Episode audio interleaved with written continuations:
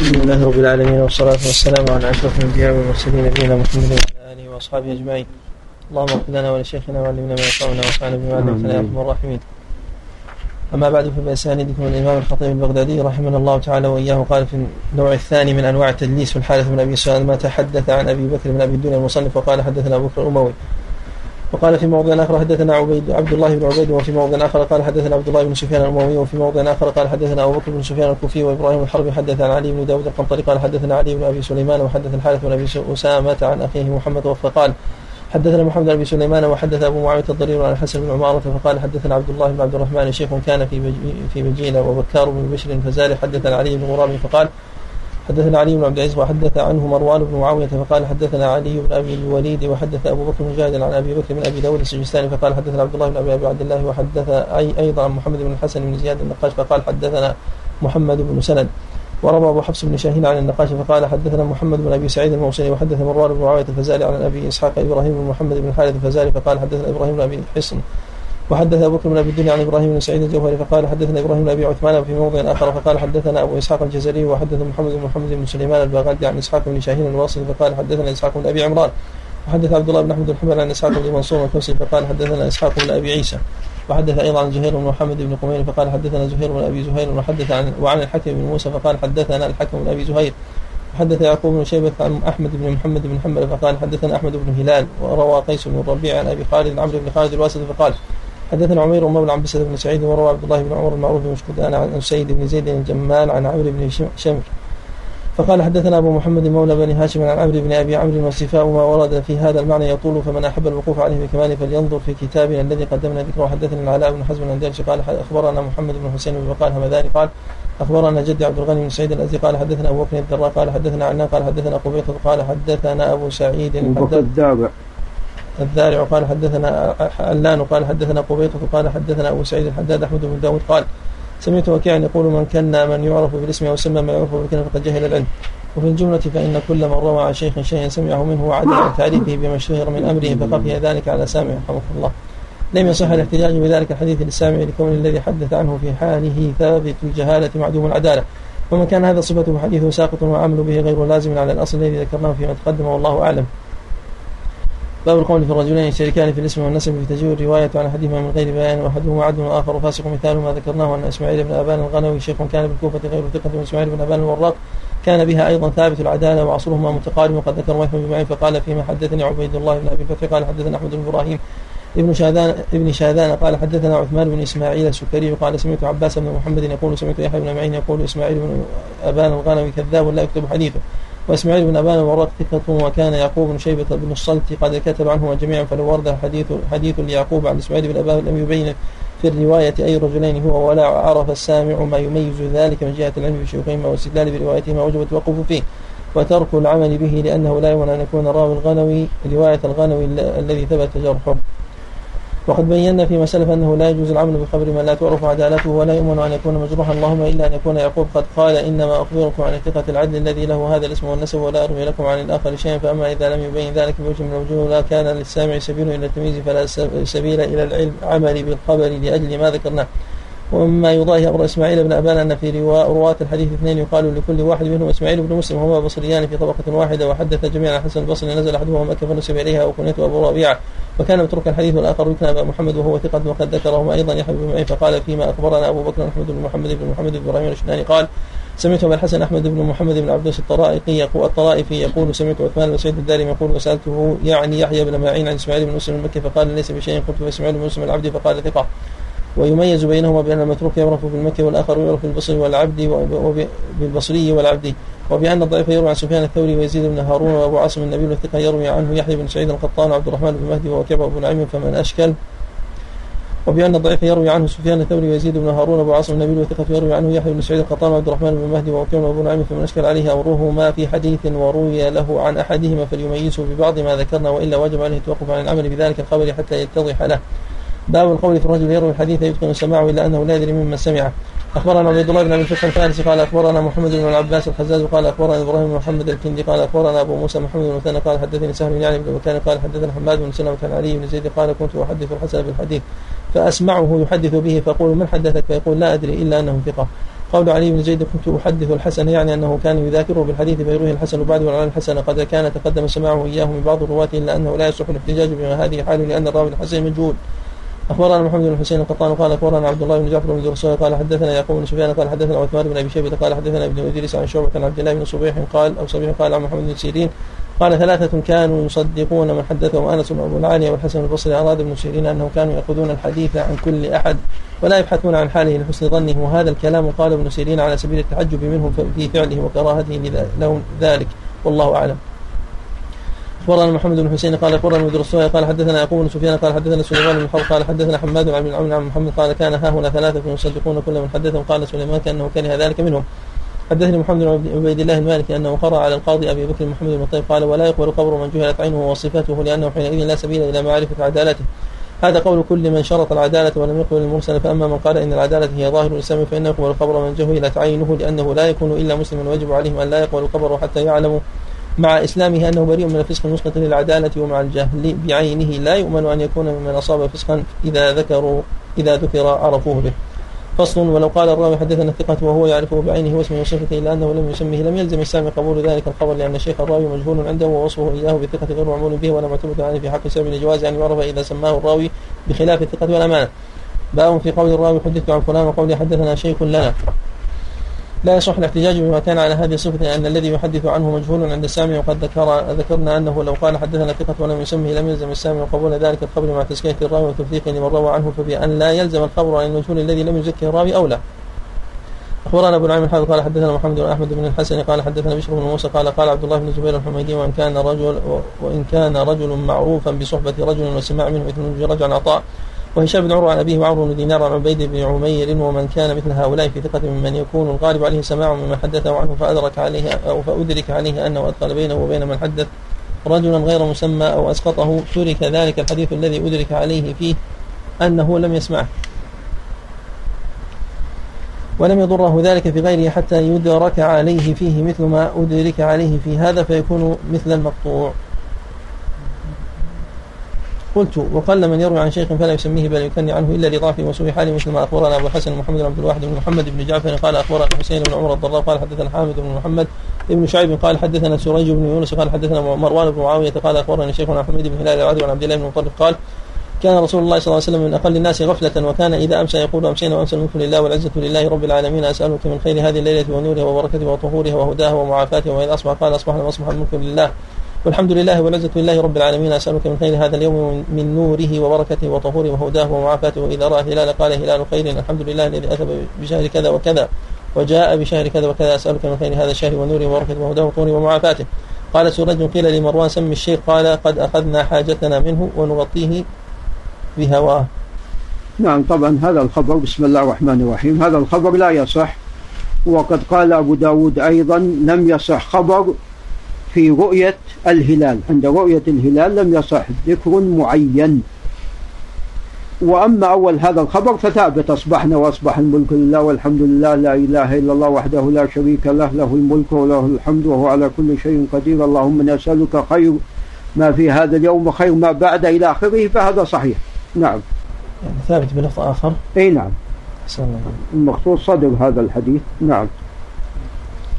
قال باب الاحتجاج بخبر من عرفت عينه وعدالته وجهل اسمه ونسبه وأخبرنا بشر بن عبد الله الرومي. قال أخبرنا أحمد بن جعفر بن حمدان. قال حدثنا عبد الله بن أحمد بن محمد. قال حدثنا أبي. قال حدثنا وكيع قال حدثنا قاسم بن الفضل. قال حدثني ثمامة بن حزم الخشيري. قال سألت عائشة عن النبي فقالت هذه خادم رسول الله صلى الله عليه وسلم لجارية حبشية فسألها فقالت كنت أنبذ لرسول الله صلى الله عليه وسلم في سقاء عشاء فأوقيه عشاء فإذا أصبح شرب منه.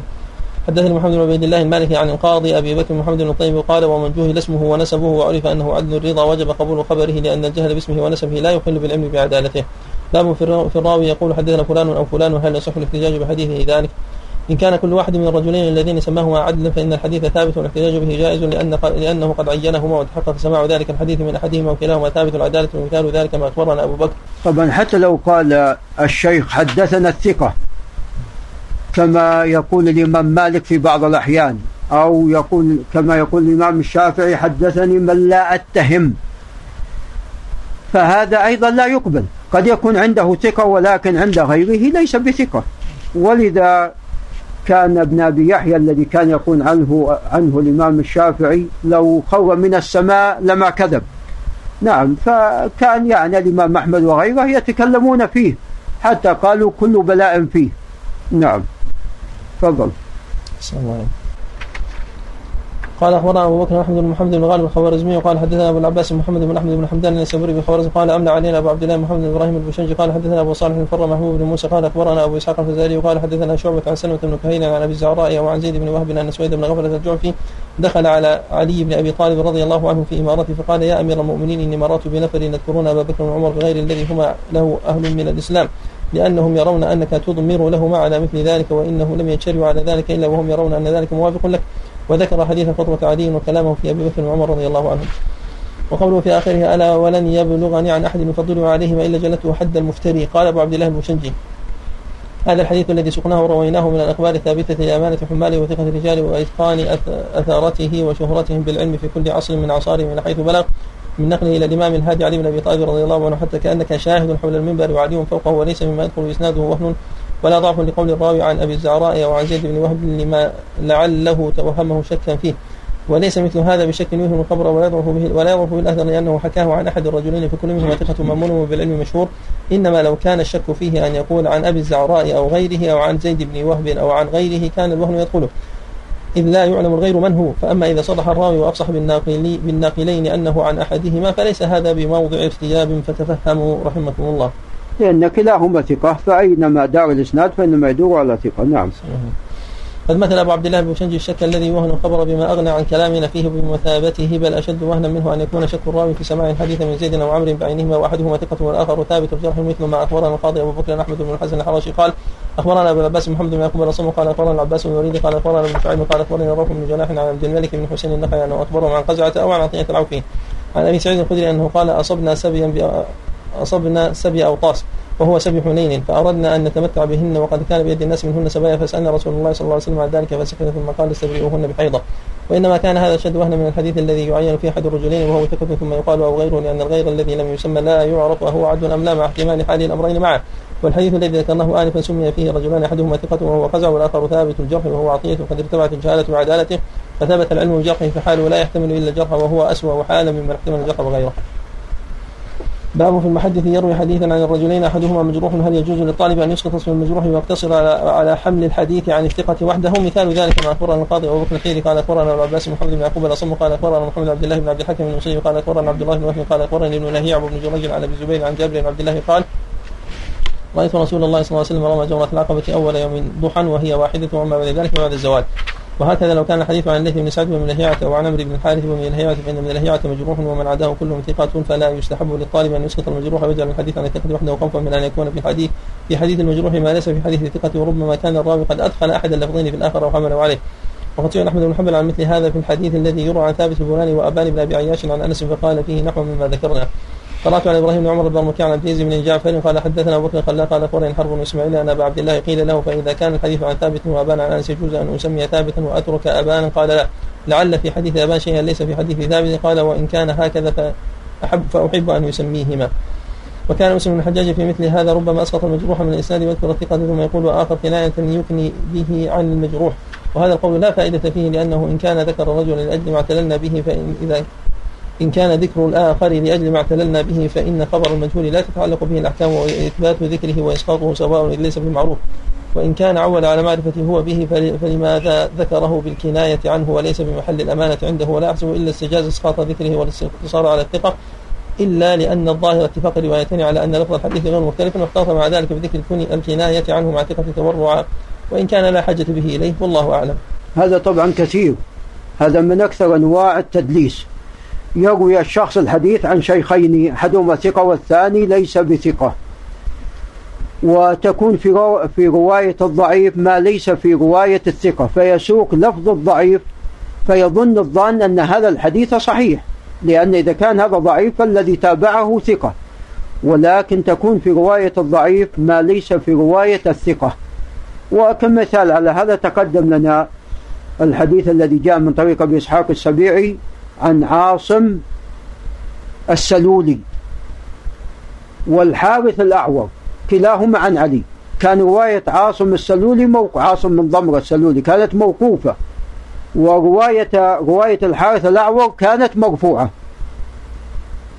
فسفيان بن عيينة روى الحديث ولم يبين فساق الرواية المرفوعة. فيظن الظن أن الخبر صحيح مرفوعا بينما الصواب أنه موقوف. نعم وليس بمرفوع شيخنا الكريم لو قال عن فلان وفلان ثقتين ولم يفرق بين متن الأول عن الآخر. والله أيضا هذا أحيانا إذا كان هناك اختلاف بين رواية الثقتين. أما إذا كان قد اتفق ولذا كان المحدثون غالبا يقولون المعنى أو ولفظهما واحد. وقد وجد بالتتبع أن أحيانا يكون هناك اختلاف. مثلا أيما إهاب دبغ فقد طهر وفي رواية إذا دبغ الإهاب تلاحظون هناك فرق لعل الأستاذ عوني ينتبه. أيما يفيد العموم أي إهاب وهذا يدخل في مسألة البناء الفقهي الاستنباط. بينما اللفظ الآخر اللي في مسلم إذا دبغ الإهاب أي نعم. فإذا شرطية. فطبعا الرواية الصحيحة أو الرواية الأكثر الأصح كلاهما صحيحتان. لكن الأصح أيما إهب المهم تجد في بعض الروايات يعني يحمل لفظ هذا على ذاك فلا بد من التتبع عندئذ. نعم تفضل. قال باب فيما سمع حديثا من رجلين فحفظه عنهما واختلط عليه لفظ أحدهما بالآخر لأنه لا يجوز له إفراد روايته عن أحدهما. اخبرنا عبد العزيز بن علي قال حدثنا أبو بكر محمد بن أحمد المفيد قال حدثنا الحسن بن علي بن شبيب بن المعمري قال حدثنا علي بن عبد الله بن جعفر قال حدثنا سفيان قال سمعت من عبدة بن أبي لبابة وسمعت من عبد الملك بن عمير سمعه من وراد كاتب المغيرة بن شعبة قال كتب معاوية إلى المغيرة أخبرني أخبرني بشيء سمعته من رسول الله صلى الله عليه وسلم وقد قال سفيان مرة أي شيء كان رسول الله صلى الله عليه وسلم يقول إذا قضى صلاته قال كان يقول إذا قضى صلاته لا إله إلا الله وحده ولا شريك له له الملك الحمد بيده الخير وهو على كل شيء قدير اللهم لا مانع لما أعطيت ولا معطي لما منعت ولا ينفع ذا الجد منك الجد. قال سفيان سمعته من عبدة منذ تسع منذ تسع وستين سنة. فسمعت من عبد الملك فاختلط علي هذا من هذا. وأستحب لمن أصابه مثل هذا أن يبينه خوفا من أن يفرق أو يفرق الطالب روايته عنه في موضعين يفرده في كل واحد منهما عن أحد الشيخين ظنا منه أنهما اتفقا في روايته على لفظ واحد. باب القول في من روى حديثا ثم نسي وهل يجب العمل به أم لا؟ مثال ذلك ما اخبرنا القاضي أبو بكر أحمد بن الحسن الحيري قال حدثنا أبو العباس محمد بن يعقوب الأصم قال أخبرنا الربيع بن سليمان قال أخبرنا الشافعي قال أخبرنا ابن عيينة عن عمرو بن دينار عن أبي معبد عن ابن عباس قال كنت أعرف قضاء صلاة رسول الله صلى الله عليه وسلم بالتكبير. قال عمرو بن دينار ثم ذكرت لأبي معبد بعد فقال لم احدث لم أحدثك. قال عمرو قد حدثتني قال وكان من أصدق موالي ابن عباس قال الشافعي كأنه نسي بعدما قد حدثه إياه. أخبرنا القاضي أبو بكر القاسم بن جعفر بن عبد الواحد الهاشمي قال حدثنا أبو عبد الله حسين بن يحيى بن عياش المتوثي وقال حدثنا علي بن مسلم الطوسي وقال حدثنا وهو بن علي بن جرير قال أخبرنا شعبة قال سمعت عبد الرحمن بن القاسم قال كان زوج بريرة عبدا قال شعبة لقيته في واسط فسألته عنه فلم يعرف وقد اختلف الناس في العمل بمثل هذا وشبهه فقال أهل الحديث وعامة الفقهاء من أصحاب مالك والشافعي وغيرهم وجمهور المتكلمين أن العمل به واجب إذا كان سامعه حافظا والناس له بعد روايته عدا وهو القول الصحيح وزعم المتأخرون من أصحاب أبي حنيفة أنه لا يجب قبول الخبر على هذا السبيل ولا العمل به. قالوا ولهذا لزم اطلاع حديث الزهري في المرأة تنفع بغير إذن وليها وحديث سعيد بن أبي صالح في القضاء باليمين مع الشاهد لأنهما لم يعترفا به لما ذكراه. واعتلوا لذلك بما سنذكره بعد إن شاء الله. وقد أخبرنا بحديث الزهري أبو الحسين علي بن محمد بن عبد الله بن بشران المعدل قال أخبرنا أبو سهل أحمد بن محمد بن عبد الله بن زياد القطان قال حدثنا أبو إسماعيل الترمذي قال حدثنا زياد بن أيوب ابو أبو هاشم قال حدثنا إسماعيل بن علية قال حدثنا ابن جريج قال أخبرنا سليمان بن موسى عن الزهري عن عائشة قال قال رسول الله صلى الله عليه وسلم إذا نكحت المرأة بغير إذن وليها فنكاحها باطل فإن أصابها فلها مهرها بما أصاب منها فإن الشجر فسلطان ولي من لا ولي له.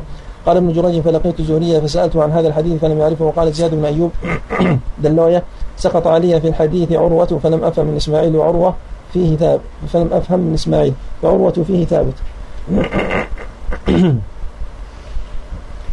وأما حديث سهل فأخبرنا ابو الحسن بن أبي بكر بن شاذان قال أخبرنا ابو سهل بن زياد القطان قال حدثنا إسماعيل بن إسحاق قال حدثنا يحيى الحماني قال حدثنا عبد بن محمد بن سليمان بن بلال عن ربيعة بن أبي عبد الرحمن عن سهيل عن أبي أبي هريرة أن النبي صلى الله عليه وسلم قضى بشاهد ويمين قال عبد العزيز فلقيت سهيلا فسألته عن هذا الحديث فلم يعرف والذي يدل على صحة ما ذهبنا إليه أنه إذا كان راوي الخبر الذي نسيه عدلا والذي حفظه عنه عدل فإنهما لم يحدثا إلا بما سمعه ولو احتملت حالهما حالهما غير ذلك لخرج عن حكم العدالة. وكان سهو النسيان غير مأمون على الإنسان ولا يستحب أن يحدثه وينسى أنه قد حدثه وذلك غير قادح في أمانته ولا تكذيب لمن يرويه عنه. ولهذا كان سهيل بعد أن نسي حديثه وذكر له ربيعة يقول حدثني ربيعة عني عن أبي ويسوق الحديث أخبرنا طبعا عفوا حديث ربيعة صحيح. نعم. وأما حديث سليمان بن موسى عن الزهري فهذا ليس بالقوي لأن سليمان بن موسى أصلا فيه ضعف هو فقيه ولكن لم يكن ضابطا تمام الضبط. كيف وقد تفرد عن باقي أصحاب الزهري؟ نعم. وأما مسألة أن سألت قال ابن دري سألت الزهري عن هذا فلم يعرفه هذا قد أنكر. أمم.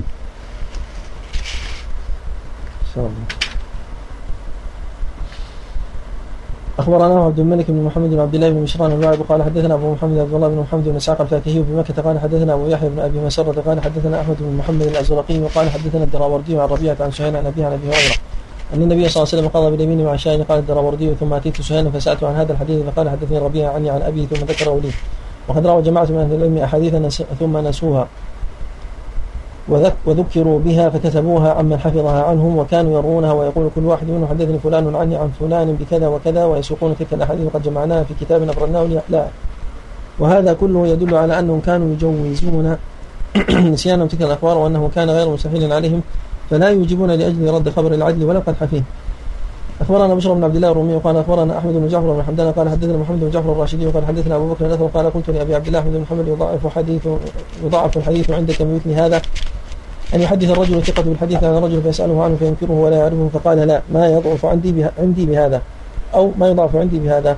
فقلت مثل حديث الولي ومثل حديث اليمين مع شاهد فقال قد كان معتمر يروي عن أبيه عن نفسه عن عبيد الله بن عمر قلت لأبي عبد الله من روى هذا عن المعتمر قال بعض أصحابنا بلغني عنه. أخبرنا القاضي أبو بكر محمد بن عمر الداودي قال أخبرنا علي بن عمر الحافظ قال حدثنا محمد بن قال حدثنا جعفر بن أحمد بن سام قال قلت لأبي عبد الله حبيش بن بشر الفقيه حديث عائشة عن النبي صلى الله عليه وسلم لا نكاح إلا بولي. قال يحيى بن معين يصححه فإن الشجر بين السلطان ولي من لا ولي له.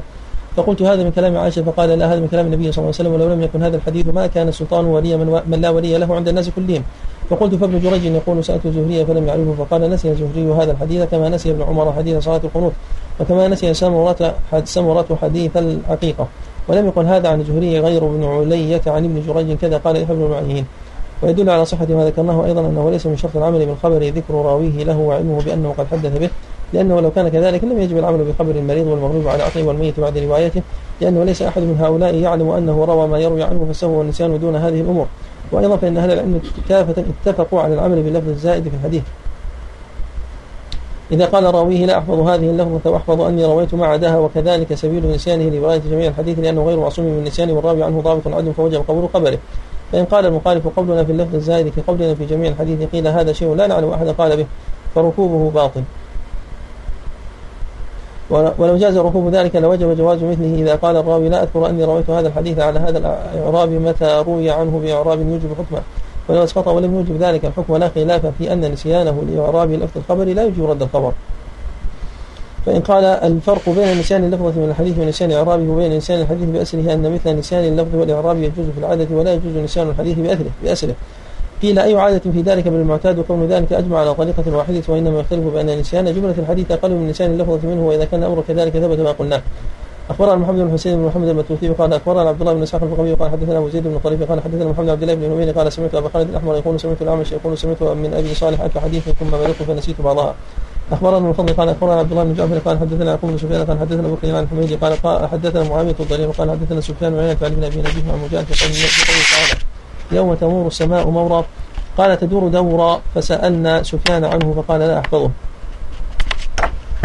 أخبرنا أبو القاسم الأزهري قال أخبرنا محمد بن العباس الخزاز قال أخبرنا إبراهيم محمد الكندي قال حدثنا أبو موسى محمد بن المثنى قال سمعت رباح بن خالد يقول سفيان بن عيينة في مسجد الحرام سنة 91 يا أبا محمد أبو معاوية يحدث عنك بشيء ليس تحفظه وكيع يحدث عنك بشيء ليس تحفظه. فقال صدق فإني كنت قبل اليوم أحفظ مني اليوم.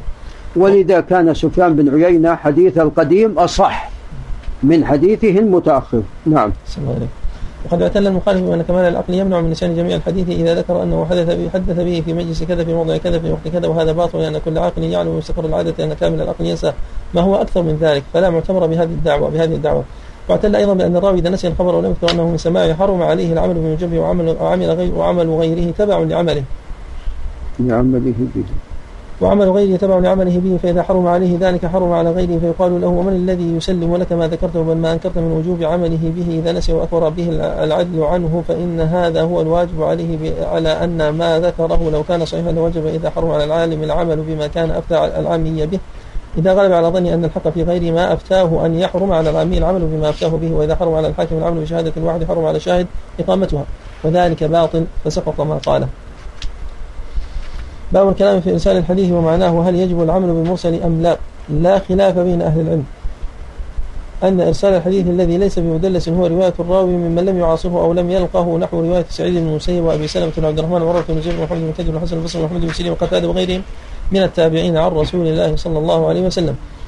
وبمثابته في غير التابعين نحو رواية ابن جريج عن عبد الله بن عبد الله بن عتبة ورواية مالك بن أنس عن القاسم بن محمد بن أبي بكر الصديق رضي الله عنه ورواية محمد بن أبي سليمان عن علقمة فهذه هي كلها روايات روايات من سمينا عمن لم يعاصره وأما رواية الرابع عن عصر ولم يقم في مثال رواية حجاج بن اطراف وسفيان الثوري وشعبة عن الزهري وما كان نحو ذلك مما لم نذكره والحكم في, في الحكم في جميع في الجميع عندنا واحد. وكذلك الحكم في من أرسل حديثا عن شيخ قد لقيه إلا أنه لم يسمع ذلك الحديث عنه وسمعه وسمع ما عداه وقد اختلف العلماء في وجوب العمل بما هذه حاله فقال بعضهم إنه مقبول ويجب العمل به إذا كان المرسل ثقة العدل وهذا قول مالك وأهل المدينة وأبي حنيفة وأهل العراق وغيرهم وقال محمد إدريس الشافعي وغيره من أهل العلم لا يجب العمل به وعلى ذلك أكثر الأئمة من حفاظ الحديث ونقاد الأثر واختلف مشرك العمل بالمرسل في قبول رواية صحابي خبر عن النبي صلى الله عليه وسلم لم يسمعه منه. طبعا قول أهل العراق يعني غير أهل الحديث. الإمام أحمد آه، لا يحتج يعني بالأصل بالمراسيل لكن قد يعمل لكن كونها حجة يعني لا يرى قد لا يرى ذلك لكن يعمل. هو قد قال الحديث ضعيف حب إلي من الرأي. نعم فالمقصود به العراق أهل الرأي هنا أهل الكوفة ومن كان مثلهم. نعم. مثل ما أخبرنا أبو بكر أحمد بن محمد أحمد بن علي بن محمد الأصبهاني والحافظ بن يسابورة قال أخبرنا أبو عمرو بن محمد بن أحمد بن حمدان قال أخبرنا عمران بن موسى بن جاشع قال حدثنا محمد بن خلاد قال حدثنا معتبر عن أبيه قال حدثنا أنس قال ذكر لي أن النبي صلى الله عليه وسلم قال لمعاذ من لقي الله تعالى لا يشرك يعني به شيئا دخل الجنة فقال يا نبي الله أفلا أبشر الناس؟ قال لا إني أتخوف أن يتكلوا. فقال بعضهم لا تقبل مراسيل الصحابة لا للشك في عدالتهم ولا لأن فيهم من خرج عنها بجرم كان منه. ولكن لأنه قد يروي الراوي منهم عن عن تابعين وعن عربي لا تعرف صفته ولا عدالته ولذلك يجب العمل بترك مرسله. ولو قال لست أروي لكم إلا عن سماع من الرسول صلى الله عليه وسلم أو من صحابي لوجب علينا قبول مرسله. وقال آخرون مراسيل الصحابة كله كلهم مقبولة يكون جميع معدون مرضيين وإن الظاهر في مرسله الصحابي ولم يبين سماع فيه أنه سمع من النبي صلى الله عليه وسلم ومن صحابي سمع من عن النبي صلى الله عليه وسلم. وأما من روى منهم عن غير الصحابة فقد بين في روايته مما سمع وهو أيضا قليل نادر فلا اعتبار به وهذا هو الأسوأ بالصواب عندنا. لما أخبرنا محمد بن أبي عبد الصوفي بن يسار قال حدثنا أبو عبد الله محمد بن يعقوب الشيباني والحافظ قال حدثنا إبراهيم بن أبي طالب ومحمد بن إسماعيل قال حدثنا أبو كريم قال حدثنا إسحاق بن منصور قال حدثنا إبراهيم بن يوسف عن أبيه عن أبي إسحاق قال سمعت البراء بن عازب يقول ليس كلنا سمع حديث رسول الله صلى الله عليه وسلم كانت لنا ضيعة وأشغال ولكن الناس لم يكونوا يكتبون يومئذ في حديث الشاهد الغائب. وأخبرنا أبو سعيد محمد بن موسى الصيرفي قال حدثنا أبو العباس محمد بن يعقوب بن قال حدثنا يحيى بن جعفر قال أخبرنا عبد الوهاب بن عطاء قال اخبرنا إسماعيل بن مسلم عن حسن عن أنس بن مالك أنه قال ليس كل ما نحدثكم عن رسول الله صلى الله عليه وسلم سمعناه منه ولكن حدثنا أصحابنا ونحن قوم لا يكذب بعضنا لا يكذب بعضنا بعضا. ومن القائلين بقول مراسيل من يقدم ما ارسله الأئمة من الصحابة والتابعين ومن بعدهم على مسند على مسند من ليس في درجتهم اعتلالا بأن بأنهم لا يرسلون إلا ما ظهر وبان واشتهر. وحصل لهم علم الصحة قال وانتشاره وظهور أقوى من المسند الواحد ومن جرى مجراه منهم من يعمل بمراسيل كبار التابعين ودون مراسيل من قصر عنه ومنهم من يقبل مراسيل جميع التابعين. إذا استوى في العدالة وكذلك مراسيل من بعد التابعين ومنهم من يقبل مراسيل من عرف منهم نظر في أحوال شيوخه والتحدي في الرواية عنهم دون من لم يعرف بذلك. أخبرنا محمد بن حسين القطان قال أخبرنا عبد الله بن جعفر بن درسون قال حدثنا يعقوب بن سفيان قال سمعت جعفر بن عبد الواحد الهاشمي يقول لأحمد بن قال يحيى بن سعيد مرسل الزهري وشبيه لا شيء فغضب أحمد وقال ما لي يحيى ومعرفه علم الزهري ليس كما قال يحيى. أخبرنا عبيد الله بن أحمد بن عثمان الصيرفي قال أخبرنا علي بن عمر الحافظ قال حدثنا أبو عبيد القاسم بن إسماعيل الضبي المحاملي قال حدثنا محمد بن عبد الله بن أبي عتاب قال حدثنا محمد أحمد بن أبي سريج الرازي. قال سمعت ابا عبد الله محمد بن الشافعي الذاب عن أهل السنة والمنكر على أهل البدع يقول وسال الزهري عندنا ليس بشيء وذلك أن نجده يروي عن سليمان بن أرقم. أخبرنا محمد بن حسين قال أخبرنا من الرسول قال حدثنا يعقوب قال حدثني فضل بن الجن قال سمعت ابا عبد الله واحمد بن حنبل يقول مرسلات إبراهيم النخعي لا بأس به بها وليس في المرسلات شيء أضعف من مرسلات الحسن وعطاء بن أبي رباح فإنهما يأخذان عن كل أحد. واخبرنا محمد بن حسين قال أخبرنا من الرسول قال حدثنا يعقوب قال قال ابن المديني سمعت يحيى بن سعيد يقول مرسل مالك أحب إليه مرسل سفيان. أخبرنا أبو نعيم الحافظ قال حدثنا محمد بن أحمد بن الحسن قال حدثنا محمد بن عثمان بن ابي شيبة قال حدثنا علي بن عبد الله المديني قال قال يحيى بن سعيد مرسلات مجاهد أحب إلي من مرسلات عطاء بكثير كان عطاء يأخذ عن كل ضرب وقال يحيى مرسلات من أبي خالد ليس من شيء ومرسلات عمد بن دينار أحب إلي قال يحيى وكان شعبة إبراهيم عن علي. قال يحيى إبراهيم عن علي احب إلي من مجاهد عن علي قال ابن المدينة وسمعته يقول أول ما طلبت الحديث وقع في يدي كتاب فيه مرسلات عن أبي مجز فجعلت لا أشتهيها وأنا يومئذ غلام وسمعته يقول مالك عن سعيد بن المسيب أحب إلي من سفيان عن إبراهيم قال وكل ضعيف قال وسمعته يقول سفيان عن إبراهيم شبه لا شيء لأنه لو كان فيه إنسان صاح به وقال يحيى مرسلات سعيد بن جبير أحب إلي مرسلات عطاء قلت ليحيى مرسلات مجاهد قال سعيد أحب إلي قلت ليحيى مرسلات مجاهد أحب إليك أم مرسلات طاووس قال ما أقربهما وسمعت يحيى يقول مرسلات أبي إسحاق عندي شبه لا شيء والاعمش والتميم ويحيى بن أبي كثير وقال يحيى اسم مرسلات بن معين بن عيينة شبه الريح. ثم قال يحيى إيه والله وسفيان بن سعيد قلت ليحيى مرسلات مالك بن أنس قال هي أحب إلي. ثم قال يحيى ليس في القوم أصح حديث من مالك والذي نختاره من هذه الجملة سقوط فرض العمل بالمراسيل وأن المرسل غير مقبول والذي يدل على ذلك أن إرسال الحديث يؤدي إلى الجهل بعين راويه ويستحيل العمل بعدالته مع الجهل بعين وقد بينا من قبل أنه لا يجوز قبول الخبر إلا ممن عرفت عدالته فوجب لذلك كونه غير مقبول.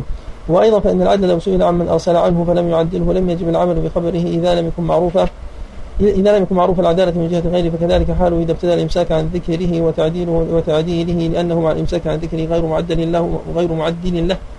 فوجب أن لا يقبل الخبر أن لا يقبل الخبر عنه. فإن قيل ليس الأمر على هذا لأن إرسال ثقة تعديل منه لمن أرسل عنه بمثابة النطق بتزكية قلنا هذا باطل من وجوه أولها أنه قد علم من حال العدول أنهم يمسكون عن تعديل الراوي وجرحه فإذا سئل عن جر عنه جرحوه تارة. وعدلوه أخرى فعلم أن إمساك عن الجرح ليس بتعديل وكذلك إمساك عن التعديل ليس بجرح ويدل على ذلك أيضا أنه لو ساغ أن يقال إن الإمساك عن الجرح تعديل وساغ أن يقال إن الإمساك عن التعديل جرح. ويدل على فساد ذلك أيضا أنه قد اتفق أو اتفق على أنه لا يقنع لا يقنع من المعدل للشهود إذا سئل عنهم بالإمساك عن جرح ولا يقنع عن جرح في جرحه بالإمساك عن تعديل بدون إيراد لفظ يقع به ذلك. ويدل على أن الإمساك عن المرسل عنه ليس بتعديل عن المرسل عنه ليس بتعديل له أنه قد يمكن أن يكون الممسك غير عالم بحاله من عدالة أو جرح فيمسك عن الأمرين الجهل بهما وهذا مقتضى ظاهر الحال في, في الإمساك عن جرح وتعديله فسقط ما قالوه. وجميع ما ذكرناه يدل على فساد قول المخالف إن رواية العدل عن من ارسل عنه تعديل له لأنه لو كان اورى على ما تكمل لوجب إذا ترك المحدث رواية عن من يعلم أنه سمع منه مع علمه بدقته وذكره لسماعه أن يكون ذلك جرحا. ولما اتفق على فساد هذا ولما اتفق على فساد هذا وأنه قد يدرك العدل قد يترك العدل رواية عن من يعرف عدالته وجاز وصح أيضا أن يروي عن من يعرف جرحه أو عن من لا يعرفه عدلا ولا مجروحا وأقل ولا أقل من هذه الرتبة. فدل على صحة ما ذكرناه على أن لو سلمنا للمخالف ما ادعاه من أن رواية العدل من أرسل عنه ممسك عن جرحه تعديل له وبمثابة اللفظ بالتسكية وأنه لم يروي عنه إلا وهو مرضي عنده ولم يجب علينا تقليده. في ذلك لأنه يجوز أن نعرفه بالفسق وما يبطل العدالة لو ذكره لنا وإنما نقبل تعديله إذا ذكر لنا الذي أرسل عنه. وعرفنا عينه ولم نعرفه نحن ولا غيرنا بجرح يسقط العدالة. فأما أن نقبل تعديل من لا نعرف عينه فذلك باطل. ولو قال المرسل حدثني العدل الثقة عندي بكذا لم يقبل ذلك منه حتى يذكر اسمه فلعلنا أو غيرنا نعرفه عند تسميته بخلاف العدالة فإذا لم يقبل النطق بتزكية من لم يذكر عينه فكان الإمساك عن جرحه أوهى وأضعف. ويدل على ذلك أيضا أن شهادة شهود الفرع على شهادة شهود الأصل في الحقوق لا, لا تكفي في تعديل شهود الأصل وكان يجب على ما ذكر المخالف أن تكفي.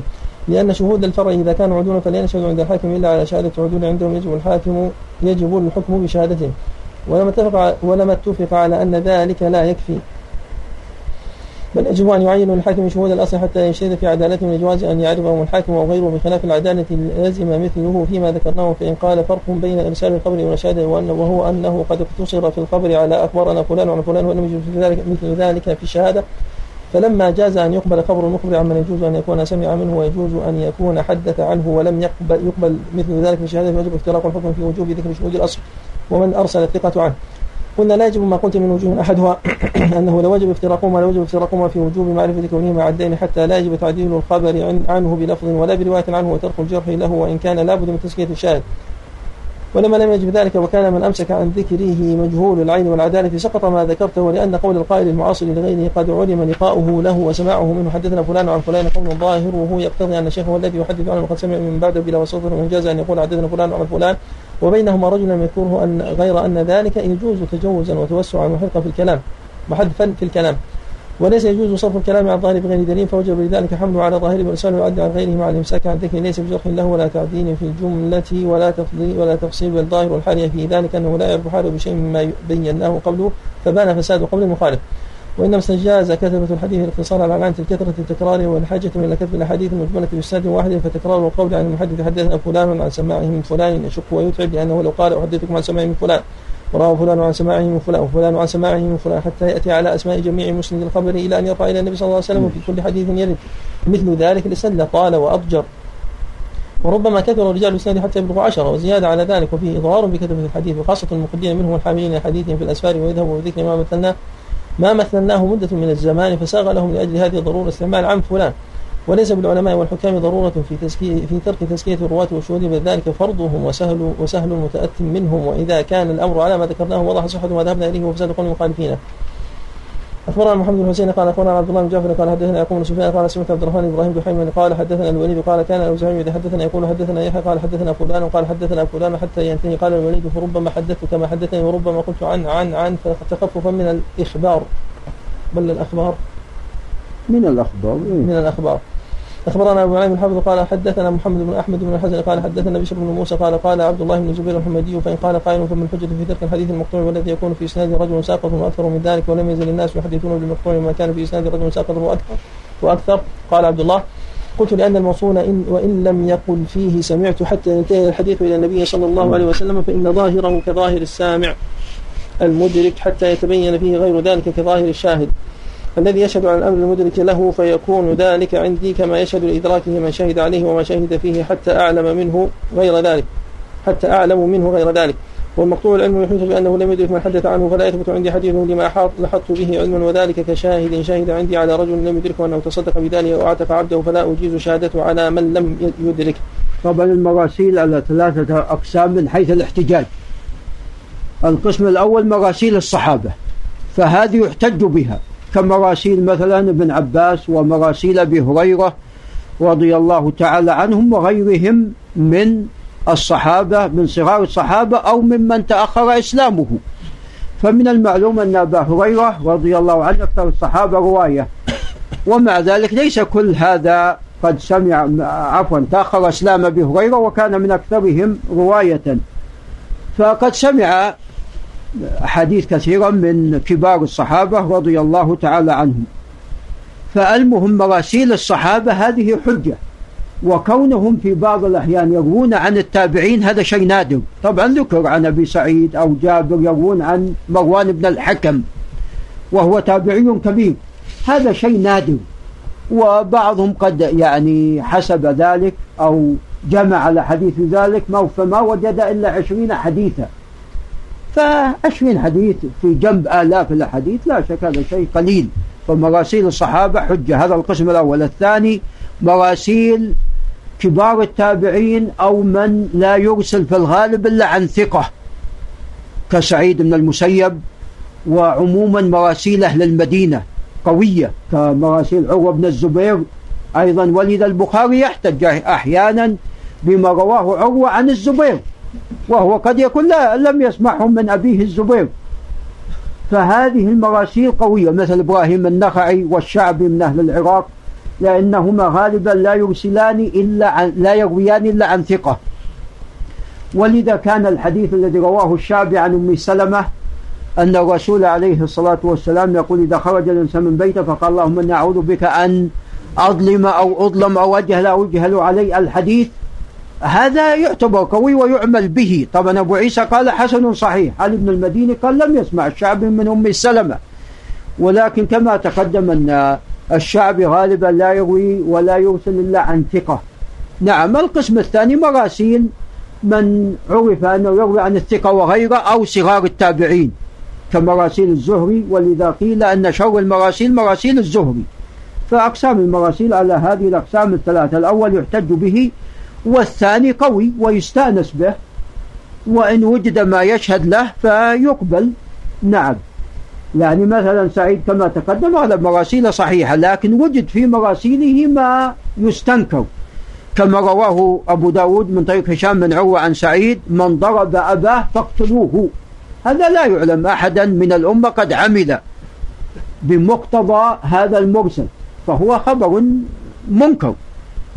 نعم لكن في مراسيل كثيرة لسعيد قد جاءت من وجوه أخرى موصولة فيستأنس بمراسيل سعيد ومن كان مثله يستأنس بها. الثالث هذه ضعيفة. نعم ظاهرة الضعف تفضل.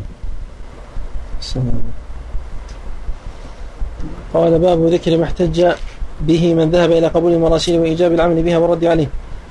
قال بعض من احتج بصحة المراسيل لو كان حكم متصل ومنقطع مختلف لبينه علماء سلفه وألزموا أنفسهم التحفظ من رواية كل مرسل عن رسول الله صلى الله عليه وسلم وبينوا ذلك لإتباعهم بل كان المنقطع عند أهل النظر أبين حجة وأظهر قوة من المتصل لأن من وصل الحديث عن رسول الله صلى الله عليه وسلم بالإسناد كان لما سمع مؤديا وإلى الأمة كان لما سمع مؤديا وإلى الأمة لما حمل مسلما وإذا قال قال رسول الله صلى الله عليه وسلم كان للشهادة قاطعا. ولصدق من رواه له ضامنا ولا يظن بثقة عدل أن يقول قال رسول الله صلى الله عليه وسلم إلا لتلقيه خبرا متواطئا وهذا الكلام غير صحيح. فأما قوله لو كان حكم متصل منقطع مختلفا لبينه علماء سلف وألزموا أنفسهم التحفظ من رواية كل مرسل على رسول الله صلى الله عليه وسلم وسلموا ذلك لأتباعهم فإننا نقول إنهم قد بينوا اختلاف المتصل والمنقطع. هذا ابن شهاب الزهري يقول. لإسحاق بن عبد الله بن أبي فروة ما أخبرني محمد بن حسين القطان قال أخبرنا دعلج بن أحمد قال حدثنا أحمد علي الأبار قال حدثنا علي بن حجر قال عن عتبة بن أبي حكيم قال جلس إسحاق بن أبي فروة إلى الزهري فجعل يقول قال رسول الله صلى الله عليه وسلم قال رسول الله صلى الله عليه وسلم فقال له الزهري ما لك قاتلك الله تحدث بأحاديث ليس لها ذمة وروي عن غير ابن شهاب. إسحاق. بن أبي فروة قال رسول الله فالإرسال باين جدا. طب الشعبي عن ام سلمه هذا مرسل أم منقطع؟ عند الخطيب البغدادي. هذا يعني يعتبر مرسل ويسمى منقطع. هذا يعتبر مرسل ويسمى منقطع. ويسمى يعني اللي يستقر عليه الاصطلاح يسمون هذا منقطع. ولكن هو داخل ضمن المرسل نعم. وروي عن غير ابن شهاب شبيه بهذا المعنى. أخبرنا أبو سعيد محمد بن موسى الصيرفي قال حدثنا أبو العباس محمد بن يعقوب الأصم قال حدثنا عبد الله بن أحمد بن حنبل قال حدثني معاذ بن شعبة البصري قال حدثنا معتبر عن كهمس عن بن ابي هند عن الشعبي قال لو لقيت هذا يعني الحسن نهيته عن قولي قال رسول الله صلى الله عليه وسلم صحبت من عمر ستة أشهر فلم أسمعه يقول قال رسول الله صلى الله عليه وسلم الا في حديث واحد. أخبرنا من فضل قال أخبرنا عبد الله بن جعفر قال حدثنا يعقوب بن سفيان قال حدثنا عثمان يعني بن أبي شيبة قال حدثنا جرير عن رجل عن عاصم الأحول بن سيرين قال لا تحدثني عن الحسن ولا عن أبي العالية بشيء فإنهما لا يباليان عمن أخذ الحديث. حدثنا محمد بن يوسف النيسابوري الأعرج قال أخبرنا محمد بن عبد الله بن محمد الحافظ قال أخبرنا علي بن حمشاد المعدل قال سمعت محمد بن شادان يقول سمعت أحمد بن سعيد بن صخر يقول سمعت أبي إسحاق الطالقاني يقول سألت ابن مبارك قلت الحديث الذي يروى من صلى عن أبوه فقال من رواه؟ قلت شهاب بن فراش فقال ثقة عمن قلت عن الحجاج بن دينار. قال ثقة عمن قلت فقلت عن النبي صلى الله عليه وسلم. فقال إن بين الحجاج بن دينار وبين النبي صلى الله عليه وسلم مفازة تنقطع فيها أعناق الإبل. أخبرنا أبو نعيم الحافظ قال حدثنا عبد الله بن محمد بن عثمان الواسطي وقال حدثنا أبو حنيفة الواسطي وقال سمعت أحمد بن فرج يقول سمعت مالك بن إسماعيل النهدي يقول سمعت ابن مبارك يقول طلب الأستاذ المتصل من الدين وقد كان أحمد بن محمد يختار الأحاديث الموقوفات عن الصحابة المرسلات عن النبي صلى الله عليه وسلم. كذلك حدثت عن عبد العزيز بن جعفر قال أخبرنا أبو بكر القلال وقال أخبرني محمد بن موسى أن إسحاق بن إبراهيم حدثه قال قلت لأبي عبد الله حديث مسلم عن النبي صلى الله عليه وسلم برجال ثبت برجال برجال ثبت أحب إليك أو حديث عن بعض أصحاب عن بعض أصحاب عن بعض الصحابة والتابعين متصل برجال ثبت. قال أبو عبد الله عن الصحابة أعجب إلي أخبرنا أبو سعيد لأن الأول ضعيف والثاني ثابت إلى هذا الصحابي. نعم تفضل. أخبرنا أبو سعيد محمد بن موسى الصيفي قال حدثنا أبو العباس محمد بن يعقوب الأصم قال حدثنا أبو عبيدة السري بن يحيى بن أخي هنادي قال حدثنا جعفر بن محمد بن عماد القاضي قال حد حدث ابن السمات وسأله إنسان عن إنسان حديث فقال هذا من المرسلات عرفا. أخبرنا محمد بن عيسى بن عبد العزيز الهمداني قال حدثنا صالح بن أحمد الحافظ قال حدثنا عبد الرحمن بن حمدان قال حدثنا هلال بن العلاء قال سمعت أبي يقول حمل أصحاب الحديث على ابن عيينة يوما فصعد فوق غرفة فقال له أخوه تريد أن يتفرقوا عنك حدث بغير إسناد. فقال انظروا إلى هذا يأمرني أن أصعد فوق البيت بغير درجة. قال صالح يعني أن الحديث بلا إسناد ليس بشيء وأن الإسناد درج المتون به يوصل إليها. أخبرنا أبو بكر محمد بن مظفر النوري الدينوري قال حدثنا إبراهيم بن محمد بن يحيى المزكي قال حدثنا الإمام أبو بكر محمد بن إسحاق بن خزيمة قال سمعت محمد أحمد بن نصر المقري يقول سمعت إبراهيم بن معدان يقول قال ابن مبارك مثل الذي يطلب أمر دينه بلا إسناد كمثل الذي يطلق السطح بلا سلم. أخبرنا محمد بن حسين بن فضل القطان قال حدثنا أبو عيسى أحمد بن يحيى بن محمد بن شادان الجوهري قال حدثني جدي حدثنا جدي قال سألت علي بن المدينة عن إسناد حديث سقط عليه فقال تدري ما قال أبو سعيد الحداد؟ قال الإسناد مثل الدرج ومثل مثل الدرج ومثل المراق فإذا زلت رجلك عن المرقاة سقطت والرأي مثل المرج.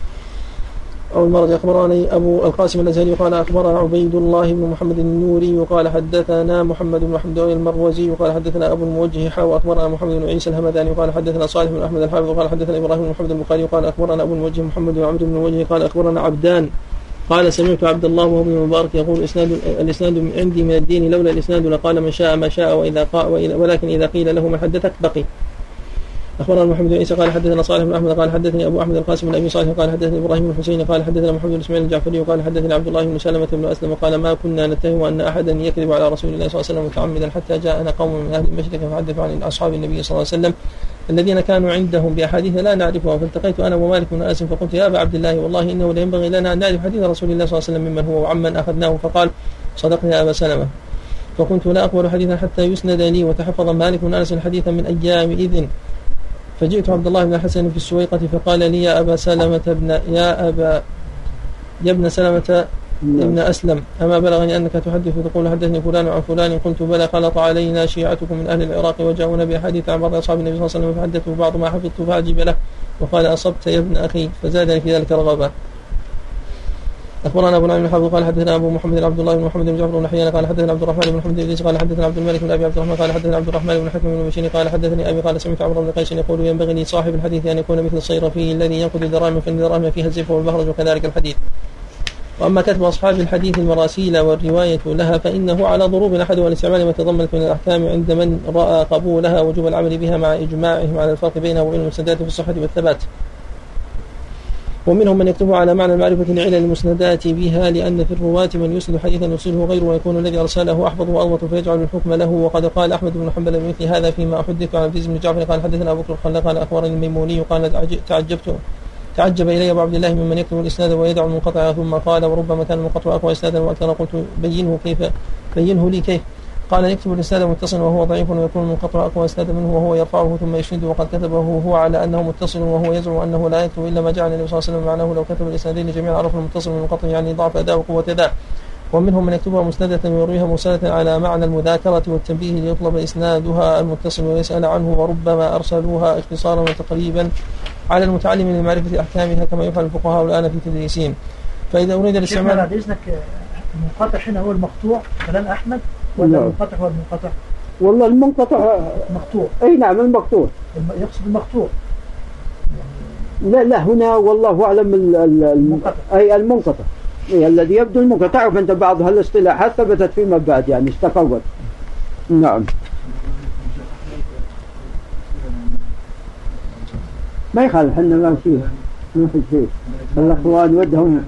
مكانكم عالي لكن يعني لا لا إحنا لا الا لا إحنا إن شاء الله ماشي نعم تفضل. قال فإذا يريد الاستعمال احتج إلى بيان الإسناد ألا ترى إلى عروة بن زبير لما أنكر على عمر بن عبد العزيز آخر الصلاة وأرسل له خبر أبي مسعود الأنصاري عن النبي صلى الله عليه وسلم في صلاة جبريل به استثبته عمر بن عبد العزيز لحاجته إلى استعمال الخبر وقال له أعلم ما تقول يا عروة فأبان له إسناده ليقطع ليقطع ليقطع بذلك عذره وكان ابتداء عروة عمر بالخبر على سبيل المذاكرة والتنبيه.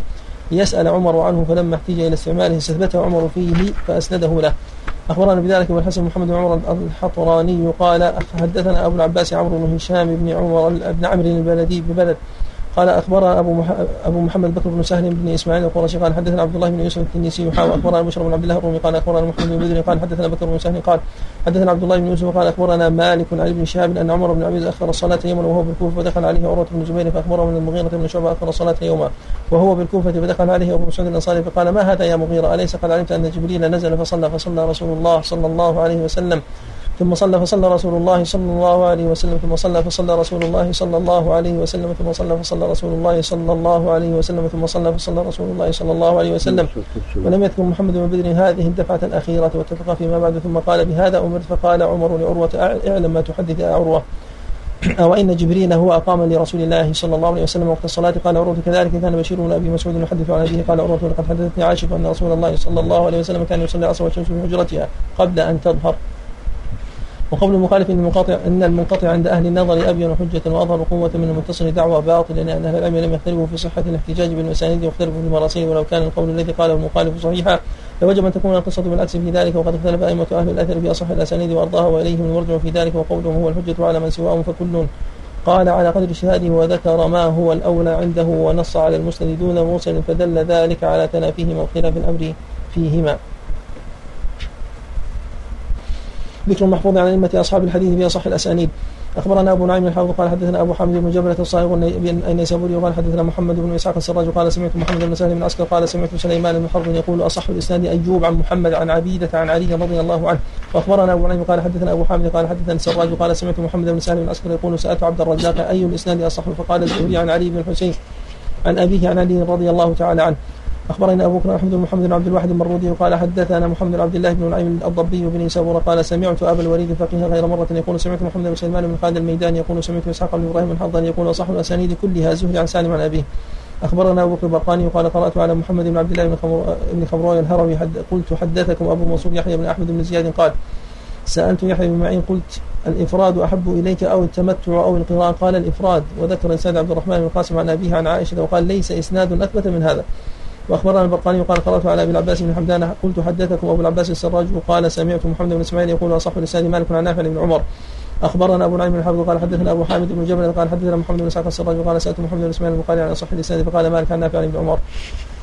أخبرنا البرقاني وقال قرأت على أبي العباس بن حمدان قلت له حدثكم تميم بن محمد قال حدثنا إبراهيم بن محمد الشافعي وقال سمعت الفضيل بن عياض يقول بن عياض يقول منصور عن إبراهيم عن علقمة عن عبد الله مثل هذه السارية. أخبرنا حسين بن علي طناجيري قال أخبرنا عمر. ابن أحمد الوعي وقال حدثنا عبد الله بن سليمان بن الاشعري قال حدثنا أحمد الحسن بن محمد الطيالسي قال حدثني أبي قال سمعت محمد بن أبي خالد قال سمعت ابن المبارك يقول إذا جاءك سفيان عن منصور عن إبراهيم عن علقمه عن عبد الله فكأنك تسمعه يعني من النبي صلى الله عليه وسلم. اخبرني علي بن محمد بن إسحاق الدقاء بن الحسين الدقاء قال قرأنا على حسين بن هارون القاضي عن أبي العباس بن سعيد قال حدثنا عبد الله بن محمد بن أحمد بن نوح البرخي قال سمعت أبي يقول سمعت عبد الله بن المبارك يقول ما أجمع الناس على شيء إجماعه على هذا الإسناد سفيان عن منصور عن إبراهيم عن علقمه عن عبد الله؟ حدث عن عبد العزيز بن جعفر الحنبلي قال أخبرنا أبو بكر الخلال قال أخبرني محمد بن زيد الهمذاني وقال سمعت عبد الله بن حمدان الدينوري قال قال علي بن المديني لأصحابه تعالوا حتى نذكر تعالوا حتى نذكر تعالوا حتى نذكر إسنادا من اليوم إلى النبي صلى الله عليه وسلم لم يختلف فيه. قال قلنا أنت عن سفيان عن الزهري؟ قال لا. لا أنا ولا سفيان ولا الزهري. قلنا فمن؟ قال ليس ندري. قال لكني أدري حماد بن زيد عن أيوب عن محمد عن أبي هريرة. محمد هو بن سيرين نعم. قال أخبرني أحمد بن محمد بن عبد الواحد قال حدثنا محمد بن عبد الله بن نعيم النيسابوري قال أخبرنا أبو عبد الله محمد بن أحمد بن بطة الأصبهاني عن شيء عن بعض شيوخه قال سمعت سليمان بن داود يقول أصح الأسانيد كل يحيى بن أبي كثير عن أبي سلمة عن أبي هريرة. أخبرنا أبو بكر البرقاني قال أخبرنا محمد بن عبد الله بن خمروي قال أخبرنا الحسين بن إدريس قال قال ابن عمار قال وكيع لا اعلم في الحديث شيئا أحسن اسنادا من هذا شعبة عن عمرو بن مرة عن مرة عن أبي موسى فقلنا منصور عن إبراهيم وأيوب عن, عن ابن سيرين ومالك عن نافع عن ابن عمر. فقال لم تصنعوا شيئا. فقال يعني وكيع منصور كان يأخذ العطاء. قال وشعبة لم يكن يرى السيف. وعمرو بن مرة كذا ومرة كذا. قال وعلقمة خرج مع علي والإسناد هو شعبة عن عمرو بن عن عمرو بن مرة عن مرة عن أبي موسى الأشعري. مرة هذا مرة طيب من كبار التابعين. نعم. نعم.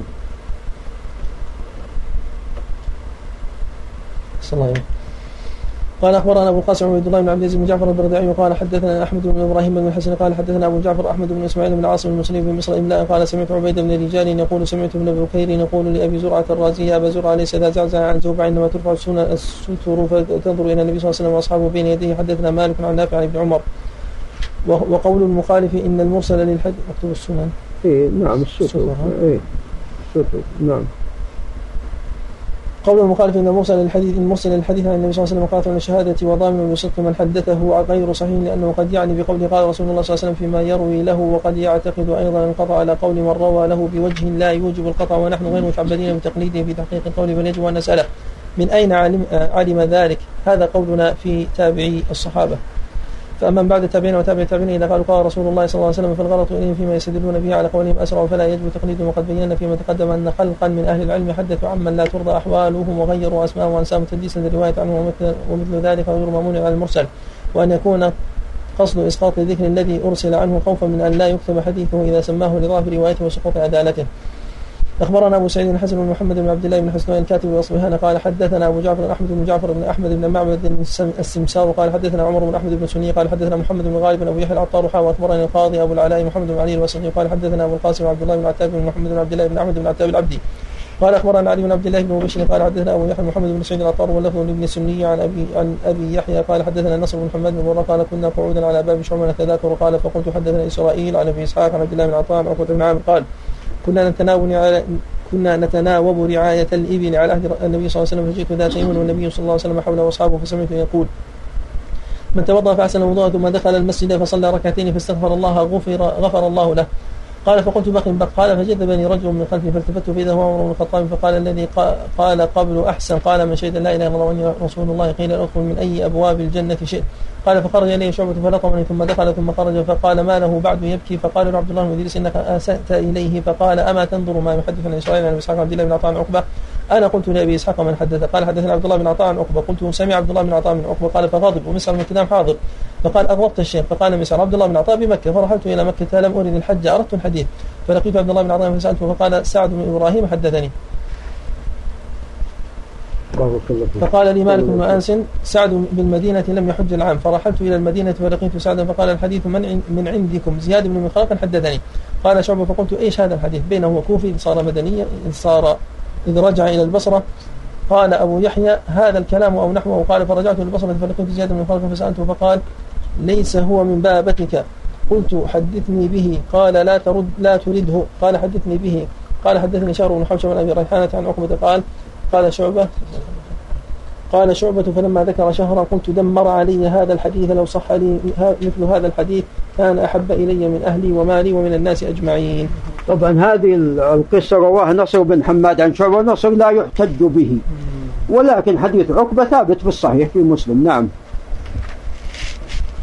أخبرنا أبو بكر محمد بن عمر بن بكير المقلي وقال أخبرنا عثمان بن أحمد بن سمعان الرزاز وقال حدثنا هيثم بن خلف حاء وأخبرنا القاضي أبو العلاء الواسطي واللفظ له قال حدثنا أبو بكر محمد بن أحمد بن محمد المفيد وقال حدثنا الهيثم بن خلف الدوري وقال حدثنا محمود بن غيلان قال سمعت المؤمن ذكر ذكر عنده الحديث الذي يروى عن ابي عن النبي صلى الله عليه وسلم في فضل القرآن. قال قد حدثني رجل ثقة سماه. قال حدثني رجل ثقة سماه. قال آتيت المدائن فلقيت الرجل الذي يروي هذا الحديث فقلت له حدثني فإني أريد أن آتي البصرة. فقال هذا الرجل الذي سمعناه منه هو بواسط في أصحاب قصب.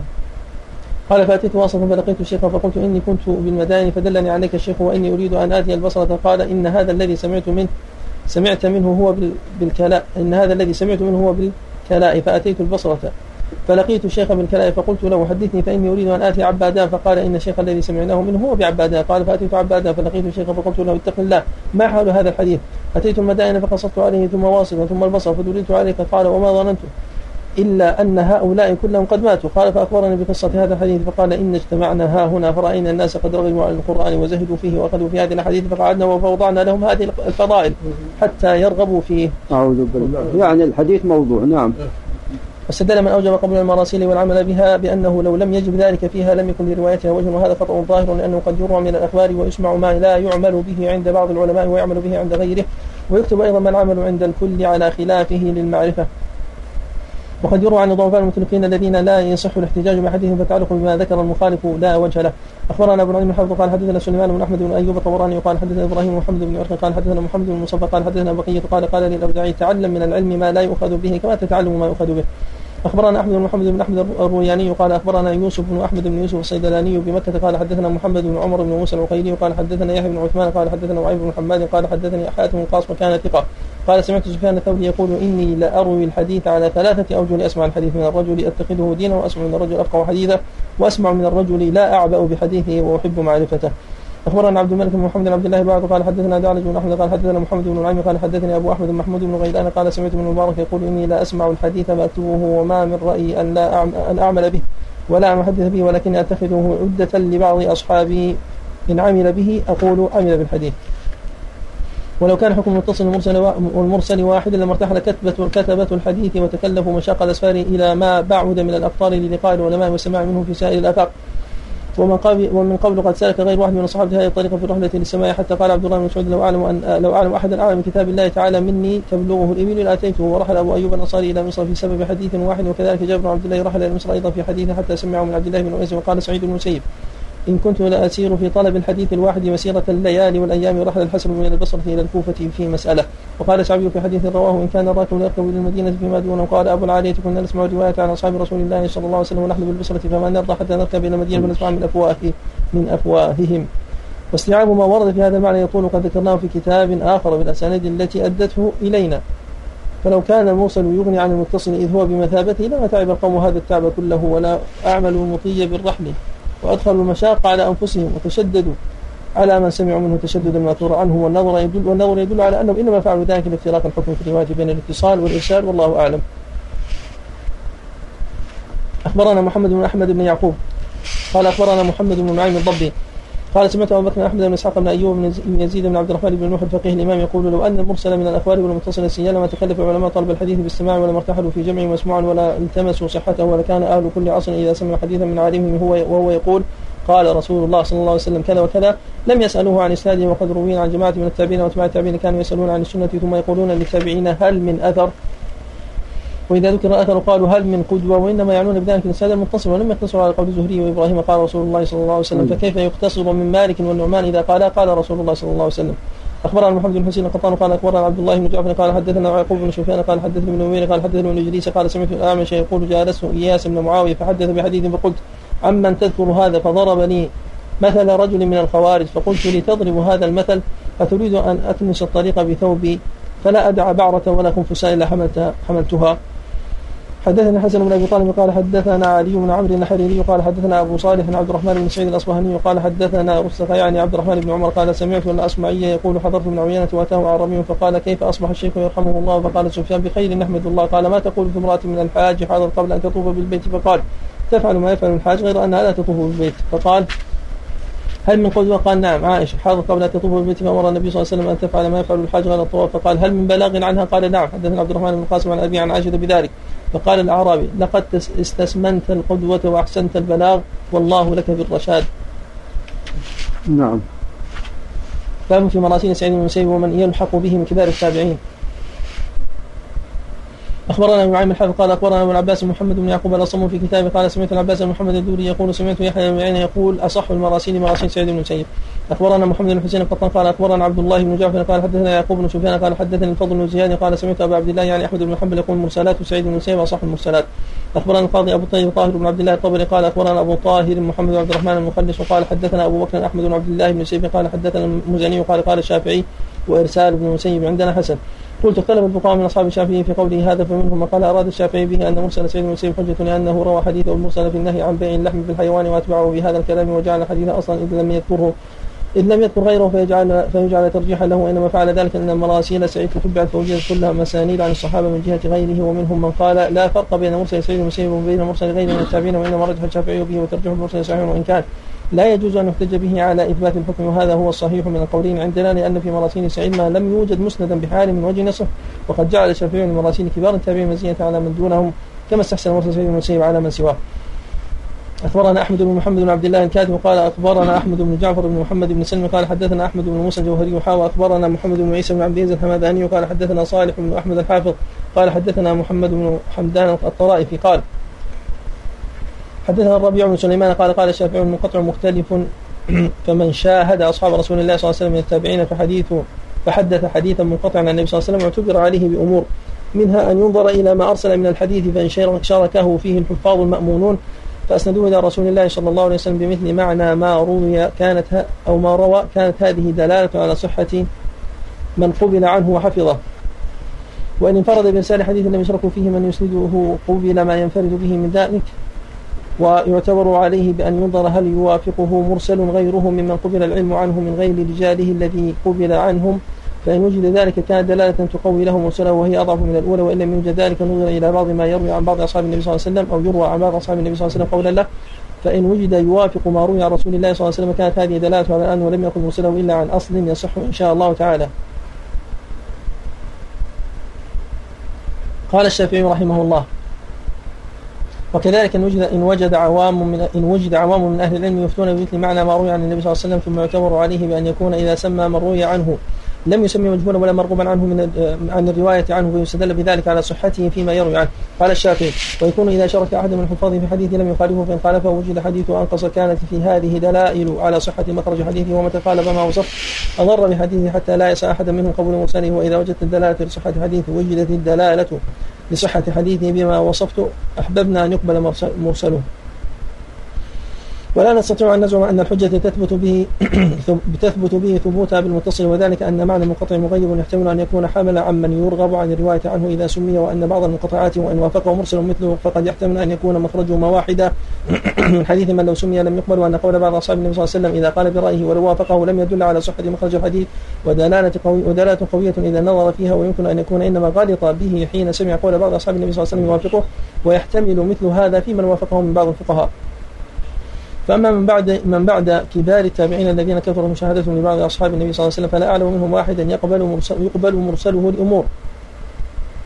أحدها أنهم أشد تجوزا في من يروون عنه والآخر أنهم يؤخذ عليهم دلائل فيما أرسلوا بضعف مخرجه والآخر كثرة الإحالة في الإخبار وإذا كثرت الإحالة كان أمكن للوهم وضعف من يقبل عنه. باب ذكر الفرق بين قول الراوي عن فلان وأن فلانا فيما يوجب الاتصال والإرسال. أخبرنا محمد بن حسين بن محمد المتوثي قال أخبرنا عثمان بن أحمد الدقاق قال حدثنا حامد بن سهل الثغري وأبو جعفر قال حدثنا معاذ بن أسد قال حدثنا وهيب عن أيوب عن نافع عن عمر عن عمر أنه سأل النبي صلى الله عليه وسلم ينام أحدنا وهو جرم قال ليتوضأ ثم لينم. وأخبرنا عبد الله بن يحيى بن عبد الجبار السكري وقال أخبرنا جعفر بن محمد بن أحمد بن الحكم الاسدي وقال حدثنا موسى بن هارون قال حدثنا ابن قال حدثنا أبي قال حدثنا عبيد الله عن نافع عن عمر أن عمر قال يا رسول الله صلى الله عليك يرقد أحدنا وهو جرم قال نعم إذا توضأ. فظاهر الرواية الأولى يوجب أن تكون من مسند عمر عن النبي صلى الله عليه وسلم والثانية ظاهرها يوجب أن يكون من مسند عبد الله بن عمر عن النبي صلى الله عليه وسلم ونظير ما ذكرناه حديث جابر في دخول سليك المسجد والنبي صلى الله عليه وسلم يخطب فأمره أن يصلي ركعتين. أخبرناه القاضي أبو بكر أحمد بن الحسن بن أحمد الحيري وقال حدثنا أبو محمد الحاج بن أحمد الطوسي وقال حدثنا محمد بن حماد قال حدثنا أبو معاوية عن أعمش عن أبي سفيان عن جابر قال جاء سليك الغطفاني يوم الجمعة وهو يخطب يعني النبي صلى الله عليه وسلم فجلس فقال النبي صلى الله عليه وسلم إذا جاء أحدكم يوم الجمعة والإمام يخطب فليصلي ركعتين خفيفتين ثم ليجلس. وأخبرنا أبو محمد عبد الله بن أبي الحسين بن بشران المعدل قال أخبرنا محمد بن حسن بن علي اليقطيني قال حدثني أبو محمد عبد الله بن إبراهيم بن إسماعيل البجلي برأس العين قال حدثني إسحاق بن زريق قال حدثني إبراهيم بن خالد المؤذن قال حدثنا الثوري عن الأعمش عن أبي سفيان عن جابر عن السليكي قال قال رسول الله صلى الله عليه وسلم إذا جاء أحدكم إلى الجمعة والإمام يخطب فليصلي ركعتين خفيفتين ثم يجلس.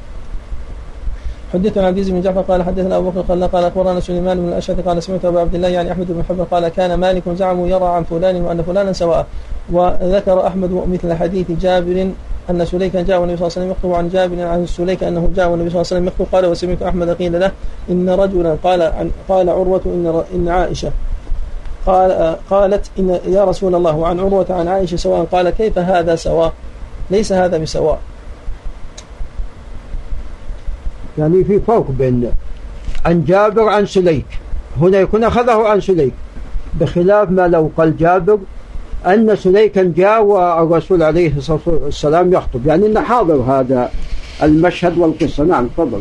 قلت وتأثير الخلاف بين اللفظين إنما يتبين في رواية التابعي عن الصحابي مثل ما ذكر أحمد من رواية عروة عن عائشة وأن عائشة ومثله أيضا ما أخبرنا أبو سعد أحمد بن محمد الماليني قال حدثنا أبو الحسن أبو الحسن محمد عبد الله بن إبراهيم بن عبد السليطي بن سبور قال حدثنا أبو الفضل جعفر بن محمد بن الحسين الترك ابن الترك قال حدثنا يحيى بن يحيى قال حدثنا سليمان بن بلال قال يحيى بن سعيد عن القاسم عن عائشة قالت قلت ورأساه ورأساه فقال رسول الله صلى الله عليه وسلم ذاك لو كان وأنا حي فأستغفر لك وأدعو لك.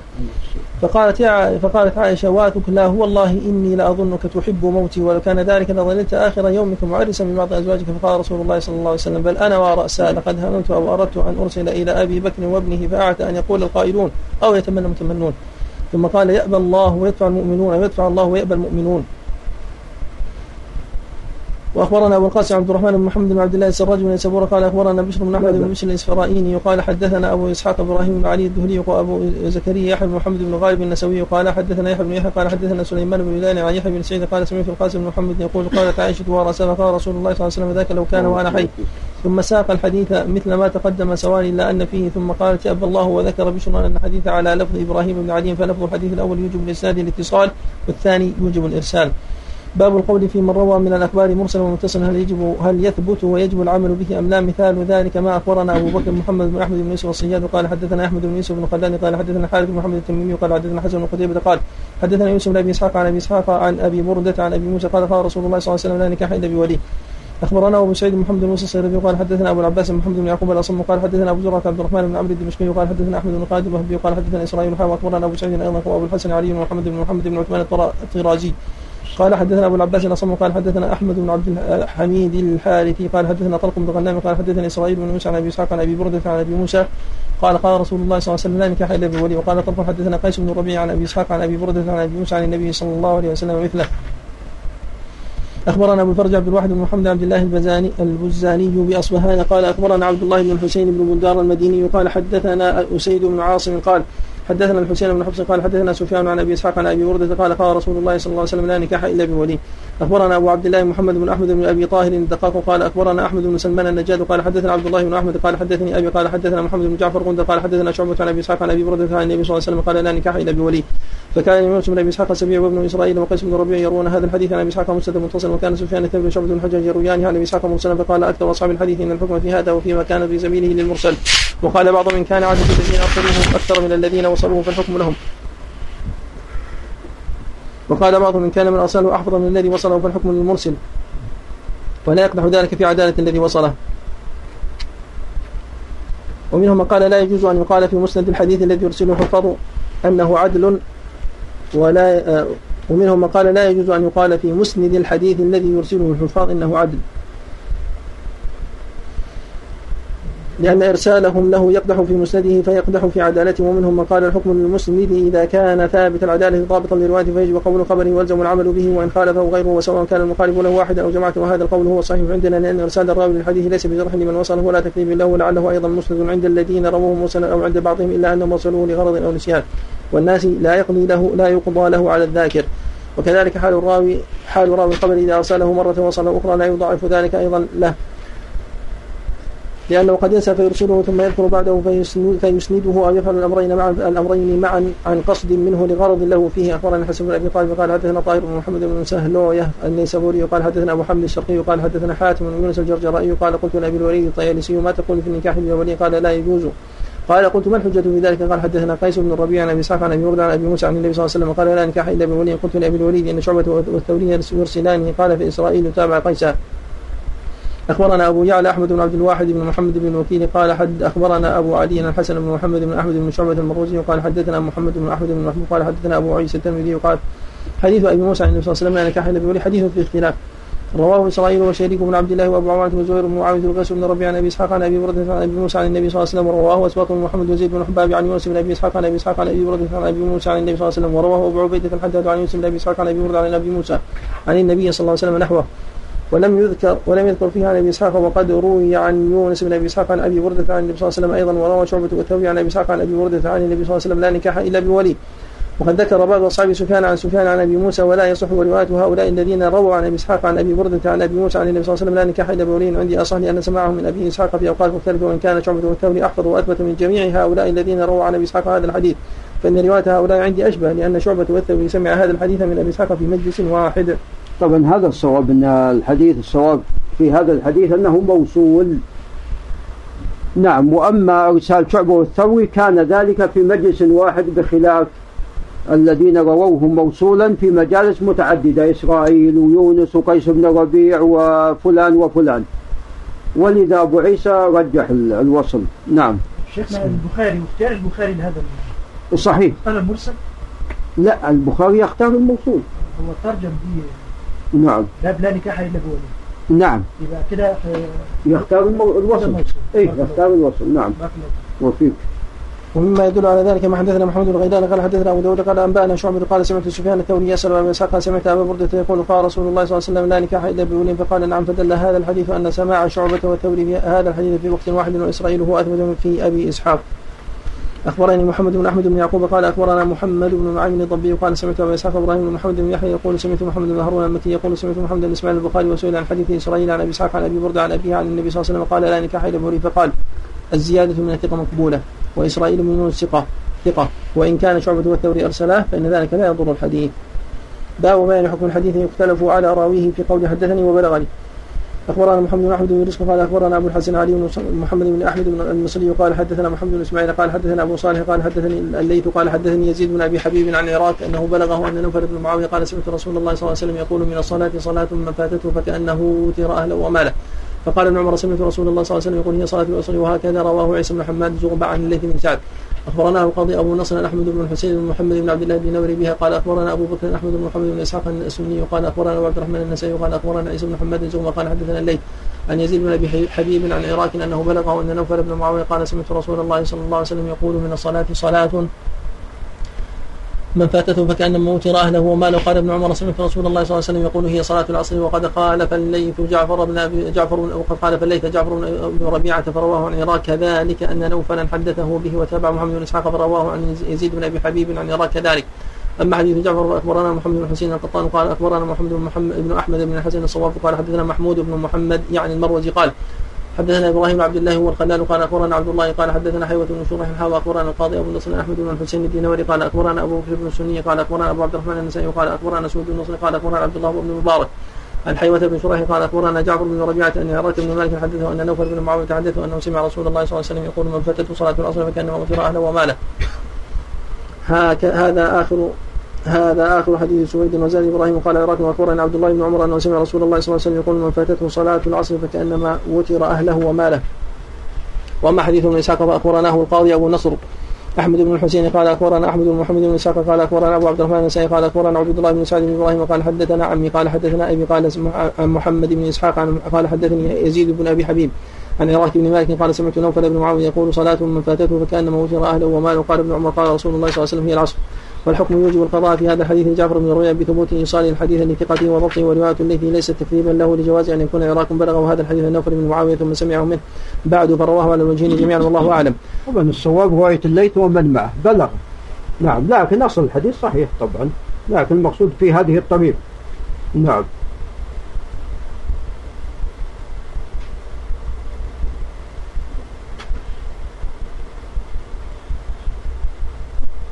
باب قول التابعي حدثني رجل من أصحاب النبي صلى الله عليه وسلم ولم يسمي هل يكون ذلك حجه حدثت حدثت؟ عن عبد بن جعفر قال أخبرنا أحمد بن محمد بن هارون قال قال أخبرنا محمد بن علي بن محمود قال حدثنا أبو بكر الأثرم قال قلت لأبي عبد الله يعني أحمد بن حنبل.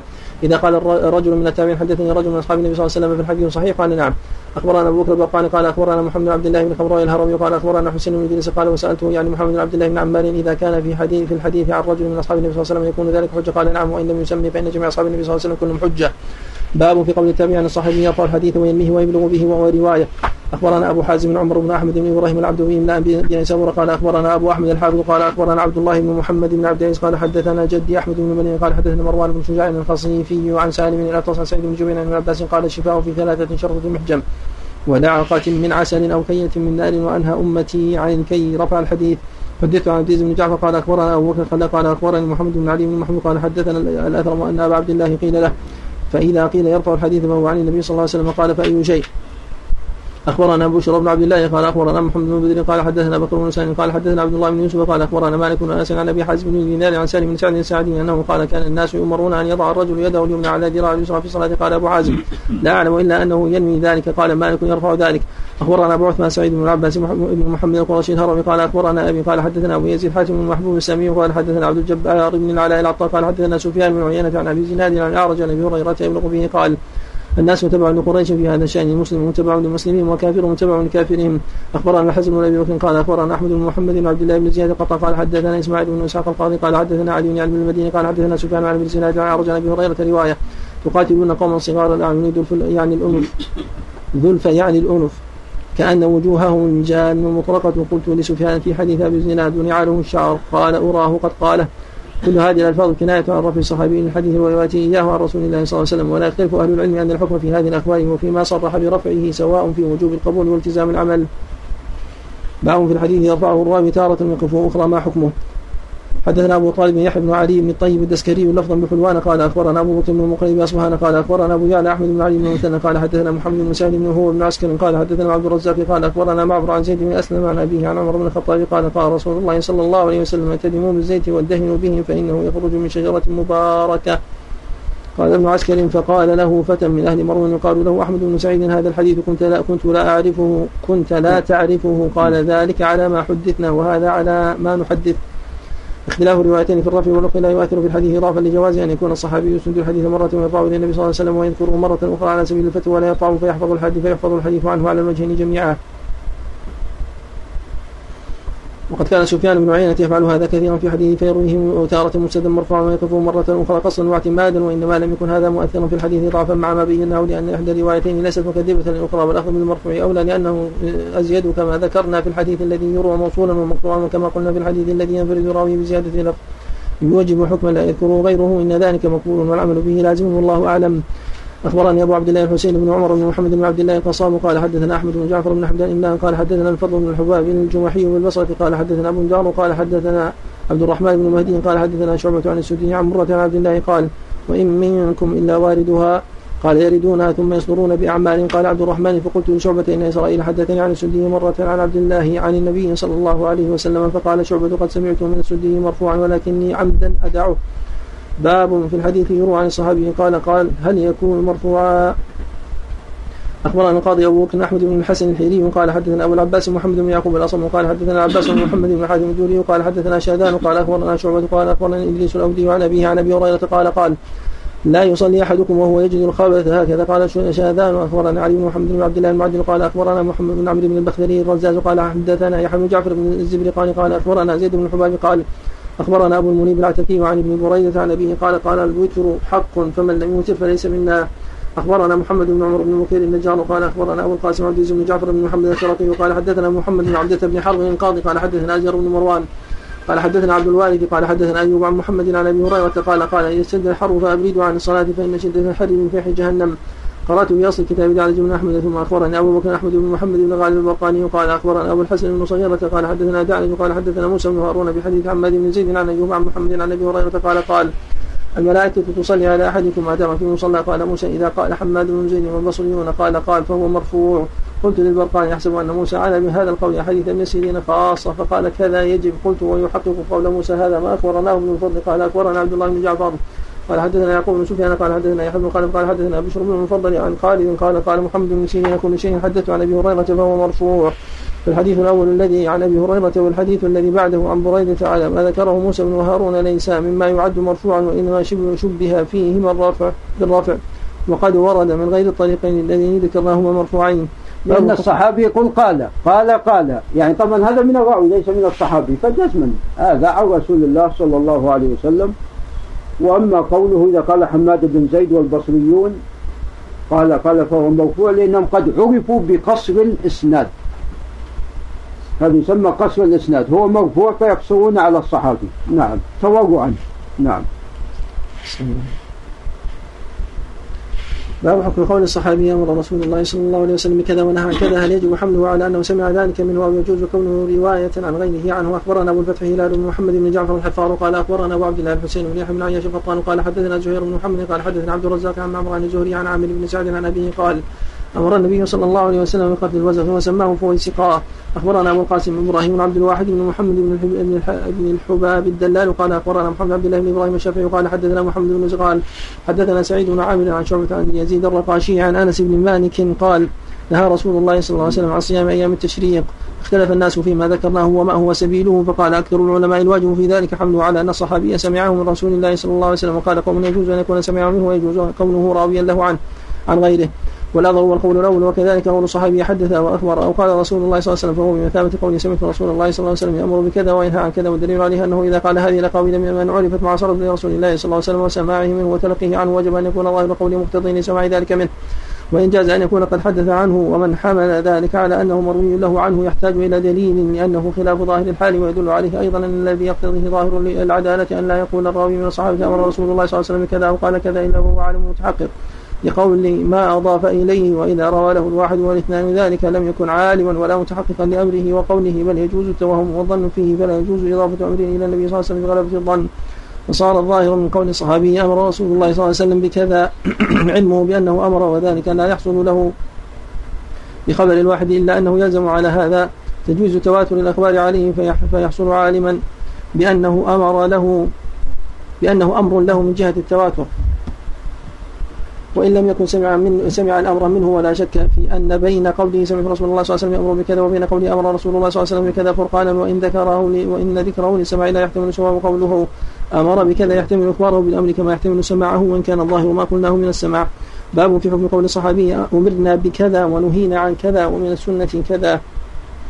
هل يجب حمله على أنه أمر الرسول صلى الله عليه وسلم ونهيه أو يجوز كونه امرا ونهيا له ولغيره؟ أخبرنا أبو سعيد محمد بن مسير قال حدثنا أبو العباس محمد بن يعقوب الأصم قال حدثنا يحيى بن طالب قال أخبرنا عبد الوهاب بن عطاء قال أخبرنا ابن عمر حميد بن زادوية عن أنس بن مالك قال أمرنا أو قال نهينا أن لا نزيد أن لا نزيد أهل الكتاب على وعليكم. أخبرنا القاضي أبو بكر احمد بن حسن الهدي وقال حدثنا محمد بن يعقوب الاصم قال حدثنا محمد بن اسحاق الصغاني وقال أخبرنا عبد الوهاب قال حدثنا ابن عون عن محمد بن سيرين أن أنس بن مالك قال نهينا أن يبيع حاضر اللبان أخبرنا عبد الله بن يحيى بن عبد الجبار السكري وقال أخبرنا عبد الخالق بن الحسن المعدل وقال حدثنا محمد بن سليمان بن الحارث قال حدثنا أنس بن إبراهيم الازهي وقال حدثنا شعبة الحجاج عن مسعود بن كتاب عن عمر بن عبد الرحمن عن حماد بن الحارث عن عبد الله بن مسعود قال إن من السنة الغسل يوم الجمعة. قال أكثر أهل العلم يجب أن يحمل قول الصحابي يوم كذا على أنه أمر الله ورسوله. وقال فريق منهم يجب الوقوف في ذلك لأنه لا يؤمن أن يعني بذلك أمر الأئمة والعلماء كما أنه يعني بذلك أمر رسول الله صلى الله عليه وسلم وقول الأولى أولى بالصواب والدليل عليه أن صحابيا إذا قال أمرنا بكذا فإنما يقصد الاحتجاج إلى إثبات شر وتحليل وتحريم وحكم يجب كونه مشروعا. وقد ثبت أنه لا يجب بأمر الأئمة والعلماء تحريم ولا تحريم إذا لم يكن ذلك أمرا عن الله ورسوله وثبت أن التقليد لهم غير صحيح وإذا كان كذلك لم يجوز أن يقول الصحابي أمرنا بكذا ونهينا عن كذا ليقبل بإثبات شر ورجل حكم في الدين. وهو يريد أمر غير الرسول ولا من ومن لا يجب طاعته ولا يثبت شرعه بقوله شرع بقوله. فإنه متى أراد أمر أمر من هذه حاله وجب تقييده له بما يدل على أنه لم يرد أمر من يثبت بأمره شرع. وهذه الدلالة بعينها توجب حمل قوله من السنة كذا على أنها سنة الرسول صلى الله عليه وسلم. فقيل هل تفصلوا هل تفصلون بين أو تفصلون بين قول الصحابي ذلك في زمن النبي صلى الله عليه وسلم وبين قوله بعد وفاته قيل لا. لأن لا نعرف أحدا فصل بين ذلك. تفصلون؟ إي نعم. فصل بين ذلك فأما إذا قال ذلك من بعد من بعد الصحابة فلا يمنع أن يعني بذلك أمر الأئمة بذلك شيء وأمرهم حجة يجب اتباعه ويحرم مخالفته وإن كان قد قالوه رأيا وشهادة ولم يسمع النبي صلى الله عليه وسلم فيه إجماع فإجماع فيه شيء فإجماع الأئمة على التحليل والتحريم يثبت به الحكم كأمر النبي صلى الله عليه وسلم وقد يفصل بين القائل لذلك من الصحابة وبين القائل له ممن بعدهم بأن القائل له من الصحابة وقد جعل له بحق معاصرة رسول الله. وقد جعل له بحق معاصرة رسول الله صلى الله عليه وسلم تلقيه عنه والسماع منه. ومن بعده ليس كذلك فيحتمل أن يريد به أمر رسول الله صلى الله عليه وسلم ويحتمل أن يريد به أمر غيره من أئمة الدين وأيضا فإنه إذا حول قول القائل أمر بكذا على أنه أمر من الأئمة بذلك الشيء فإنه قد تضمن ذلك كون النبي صلى الله عليه وسلم آمرا به لأنه قد ثبت أنه قد أمر بفعل ما أجمعت الأمة على الأمر به ونهى عن عما نهت عنه وإنما يمنع من حمل ظاهر الرواية تعالى. أنه أمر من لا يثبت بأمره ونهيه حكم وشرع ولا يجب به العمل وليس هذه حال أمر الأئمة بشيء باب في باب في حكم قول الصحابي كنا نقول كذا ونفعل كذا على عهد الرسول رسول الله صلى الله عليه وسلم هل يكون شرعا؟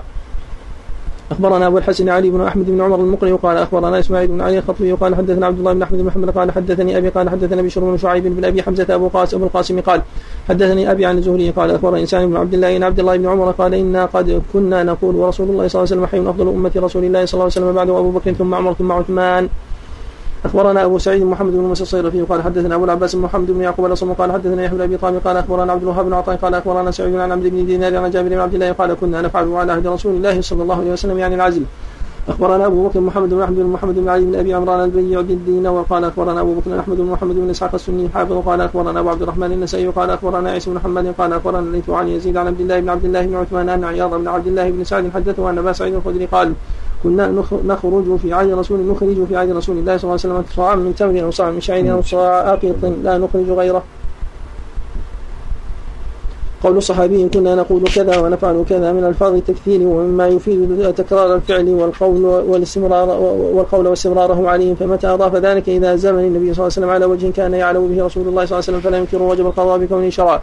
وقام إقراره له مقام نطقه بالأمر به ويبعد فيما كان يتكرر قول الصحابة له وفعل إياه وأن يفعل عن رسول الله صلى الله عليه وسلم وقوعه ولا يعلم, ولا يعلم به ولا يجوز في صفة الصحابي أن يعلم من كان إنكارا كان من النبي صلى الله عليه وسلم في ذلك فلا يرويه لأن الشرع والحجة في إنكاره لا في فعلهم لما ينكره وراوي ذلك إنما يحتج بمثل هذه الرواية في جعل الفعل شرعا ولا يمكن في صفة راوي رواية الفعل الذي ليس بشرع وتركه رواية إنكاره الذي له إنكاره له الذي هو الشرع فوجب أن يكون المتكرر في زمن الرسول صلى الله عليه وسلم مع إقراره شرعا ثابتا لما قلناه مما يدل على ذلك ما أخبرنا الحسن بن أبي بكر قال أخبرنا أبو سهل أحمد بن محمد بن عبد الله بن زياد القطان. قال حدثنا إسماعيل بن إسحاق القاضي قال حدثنا سليمان بن قال حدثنا يزيد بن إبراهيم عن عمرو بن دينار قال قال ابن عمر كنا لا نرى بكراء بكراء الأرض باسا حتى حدثنا رافع بن خديج أن النبي صلى الله عليه وسلم نهى عن كراء الأرض فكان ابن عمر يقول لقد نهى ابن خديج عن أمر كان نافع عن أمر نافع لنا. أفلا ترى أن ابن عمر لم يشهد أن يذكر ما كانوا يفعلون من استفراء الأرض إلا بالجمع بينه وبين حديث رابع عن النبي صلى الله عليه وسلم في النهي عنه ومتى جاءت رواية عن رواية عن صحابة أنهم كانوا يقولون أو يفعلون شيئا ولم يكن في الرواية ما يقتضي إضافة وقوع ذلك نزل من رسول الله صلى الله عليه وسلم لم يكن حجة فلا دلالة على أنه حق إلا أن يعلم جواز ذلك من جهة الإشهاد فيحكم به. والعلم أنه مذهب لجميع الأئمة وجب القطع على أنه شرع ثابت تحرم مخالفته ويجب النصير إليه. باب القول في حكم الخبر يروي المحدث تارة بزائدا وأخرى ناقصا إذا كان المحدث قد روى خبرا فحفظ فحفظ عنه أن ثم أعاد روايته على النقصان من الرواية المتقدمة وحذف بعض متنه فإن الاعتماد على الرواية الأولى والعمل بما تقتضيه ألزم وأولى. أخبرنا محمد بن علي بن فتح الحربي قال أخبرنا عمر بن إبراهيم المقري قال حدثنا عبد الله بن محمد العزيز قال حدثنا أبو خيثم قال حدثنا حفص بن غياث قال حدثنا عاصم عن أبي عثمان قال قلت له إنك تحدثنا بالحديث فربما حدثتناه كذلك وربما نقصه قال عليك بالسماع الأول. وإن كان لما أعاد روايته زاد في متنه وذكر ما لم يريده في الدفعة الأولى فالحكم يتعلق برواية متأخرة دون متقدمة ويعلق في الموضعين جميعا أن الزيادة مقبولة بالعبد ويحتمل أن يكون تعمد اختصار الحديث والحذف منه لما رواه ناقصا وأورده في الدفعة الأخرى بكماله فلا تكون إحدى روايتين مكذبة للأخرى. كما ذكرناه في رواية الحديث مرفوعا تارة وموقوفا أخرى على أن ذلك لا يؤثر ضعفا فيه. باب القول في حكم خبر العدل إذا انفرد برواية زيادة فيه لم يروها غيره. قال جمهور من الفقهاء وأصحاب الحديث زيادة الثقة مقبولة إذا انفرد بها ولم يفرق بين زيادة يتعلق بها حكم شرعي أو لا يتعلق بها حكم وبين زيادة توجب نقصانا من بين أحكام تثبت بخبر ليست فيه تلك الزيادة. وبين زيادة توجب تغيير الحكم الثابت أو زيادة لا توجب ذلك وسواء كانت الزيادة في خبر رواه راويه مرة ناقصة ثم رواه بعد وفيه تلك الزيادة أو كانت الزيادة قد رواه غيره ولم يروها هو وقال فريق ممن قبل زيادة العدل الذي ينفرد فإنما يجب قبولها إذا أفادت حكما يتعلق بها فأما إذا لم يتعلق بها حكم فلا وقال آخرون يجب قبول الزيادة من جهة اللفظ دون المعنى وحكى وحكي عن فرقة ممن وحكى عن فرقة ممن ينتحل المذهب الشافعي أنها قالت تقبل الزيادة من الثقة إذا كانت من جهة غير الراوي فأما إن كان هو الذي روى الناقصة ثم روى الزيادة بعد فإنها لا تقبل. وقال قوم من أصحاب الحديث زيادة الثقة إذا انفرد بها غير مقبولة ما لم يروها معه الفاظ وترك وترك وترك فضل نقل وذهاب عن معرفتها يوهنها. ويضعف أمرها ويكون معارضا لها. والذين اختاروا من هذه الأقوال أن الزيادة الواردة مقبولة على كل الوجوه ومعمول بها إذا كان راويها عدلا حافظا ومتقنا ضابطا والدليل على صحة ذلك أمور أحد واتفاق جميع أهل العلم على أنه لو انفرد الثقة بنقل الحديث لم ينقله غيره لوجب قبوله. ولم يكن ترك ولم يكن ترك الرواية لنقله إن كانوا عرفوه وذهابهم عن العلم به معارض معارضا له ولا قادحا في عدالة راويه ولا مبطلا له وكذلك سبيل الانفراد بالزيادة. فإن قيل ما أنكرت أن يكون الفرق بين الأمرين أنه غير ممتنع سماع الواحد للحديث من الراوي وحده وانفراده به ويمتنع في العادة سماع الجماعة للحديث حديث واحد وذهاب زيادة فيه عليهم ونسيانها إلى الواحد بل هو أقرب إلى الغلط والسهو منهم فافترق الأمران قلت هذا باطل من وجوه غير ممتنعة أحدها أن يكون الراوي حدث بالحديث في وقتين وكانت الزيادة في أحدهما دون وقت الآخر ويحتمل أيضا أن يكون قد كرر الراوي الحديث فرواه أولا بالزيادة وسمعه الواحد. ثم أعاده بغير زيادة اختصارا على أنه قد كان أتمه من قبل وضبطه عنه من يجب العمل بخبره إذا رواه عنه وذلك غير ممتنع. وربما كان الراوي قد زهى عن عن ذكر تلك الزيادة لما كرر الحديث. وتركها وتركها غير متعمد لحذفها. ويجوز أن يكون ابتدأ بذكر ذلك الحديث فيه وفي أوله الزيادة ثم دخل داخل فأدرك بقية الحديث ولم يسمع الزيادة فنقل ما سمعه ويكون السامع الأول قد وعاه بتمام وقد روي مثل هذا في خبر جرى الكلام فيه بين ابن الزبير بين الزبير بن العوام وبين بعض الصحابة. أخبرنا أبو الحسن علي بن القاسم بن الحسن الشاهد بن بصير قال حدثنا علي بن إسحاق المادرائي وقال حدثنا جنيد بن حكيم قال حدثنا مصعب يعني بن عبد الله الزبيري وقال حدثنا الضحاك بن عثمان عن عبد الرحمن بن أبي الزناد عن هشام بن عروة عن عبد الله بن عروة عن أبيه قال سمع الزبير رجلا يحدث عن رسول الله صلى الله عليه وسلم فلما فرغ الرجل من حديثه قال له الزبير هل سمعت هذا من رسول الله صلى الله عليه وسلم؟ قال نعم. قال صدق ولكنك كنت يومئذ غائبا ورسول الله صلى الله عليه وسلم يحدث عن رجل من أهل الكتاب. فجئت في آخر الحديث ورسول الله ورسول الله صلى الله عليه وسلم يحدث. فحسبت أنه يحدث عن نفسه هذا هذا وشبهه يمنعنا من الحديث عن رسول الله صلى الله عليه وسلم. هذا طبعا لا يصح. نعم.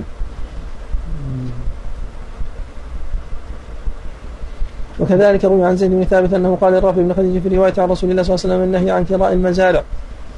عفوا أبو سعد بدوا ولا ما بدوا؟ ليش؟ يلا ما عاد بقى لها تقريبا 10 صفحات. اي خلي اي اشياء أقل من اشياء أقل من اشياء اي خليكم يلا على كيفكم اي تفضل. قال أخبرنا أبو إسحاق إبراهيم بن مخلد بن جعفر المعدل وأبو الفتح هلال بن محمد بن جعفر الحفار قال إبراهيم حدثنا وقال هلال أخبرنا حسين بن يحيى بن عياش القطان قال حدثنا أبو الأشعث أحمد حتى بن لا عجلان. على الشيخ علي يلا قال. كأنه نعم تفضل. قال حدثنا يزيد بن زريع عن عبد الرحمن بن إسحاق حا واخبرنا القاضي أبو عمر القاسم بن جعفر بن عبد الواحد الهاشمي قال حدثنا أبو علي محمد بن أحمد بن عمرو اللؤلؤي قال حدثنا أبو داود سليمان بن الأشعث قال حدثنا أبو بكر بن أبي شيبة قال حدثنا ابن علية قال أبو داود وحدثنا مسدد قال حدثنا بشر بن علي المفضل المعنى عن عبد الرحمن بن إسحاق عن أبي عبيدة بن محمد بن عمار عن الوليد بن أبي الوليد عن عمره بن الزبير قال قلت قال زيد بن ثابت يغفر الله لرافع بن خديج أنا والله أعلم بالحديث منه إنما أتاه رجلان قال مسدد من الانصار ثم اتفق قد اقتتلا فقال رسول الله صلى الله عليه وسلم إن كان هذا شأن إن كان هذا شأنكم فلا تكروا المزارع. زاد مسدد فسمع قوله لا تكروا المزارع واللفظ لحديث أبي داود. ويجوز أن يسمع الحديث من الراوي الاثنان والثلاثة فينسى اثنان منهما الزيادة ويحفظها الواحد ويرويها ويجوز أن يحضر الجماعة سماع الحديث فيتطاول حتى يغشى النوم بعضهم أو يشغله خاطر نفس وفكر وفكر قلب في أمر آخر فيقتطعه عما سمعه غيره وربما عرض لبعض سامع الحديث أمر يوجب القيام ويضطر إلى ترك استتمام استتمام استتمام الحديث.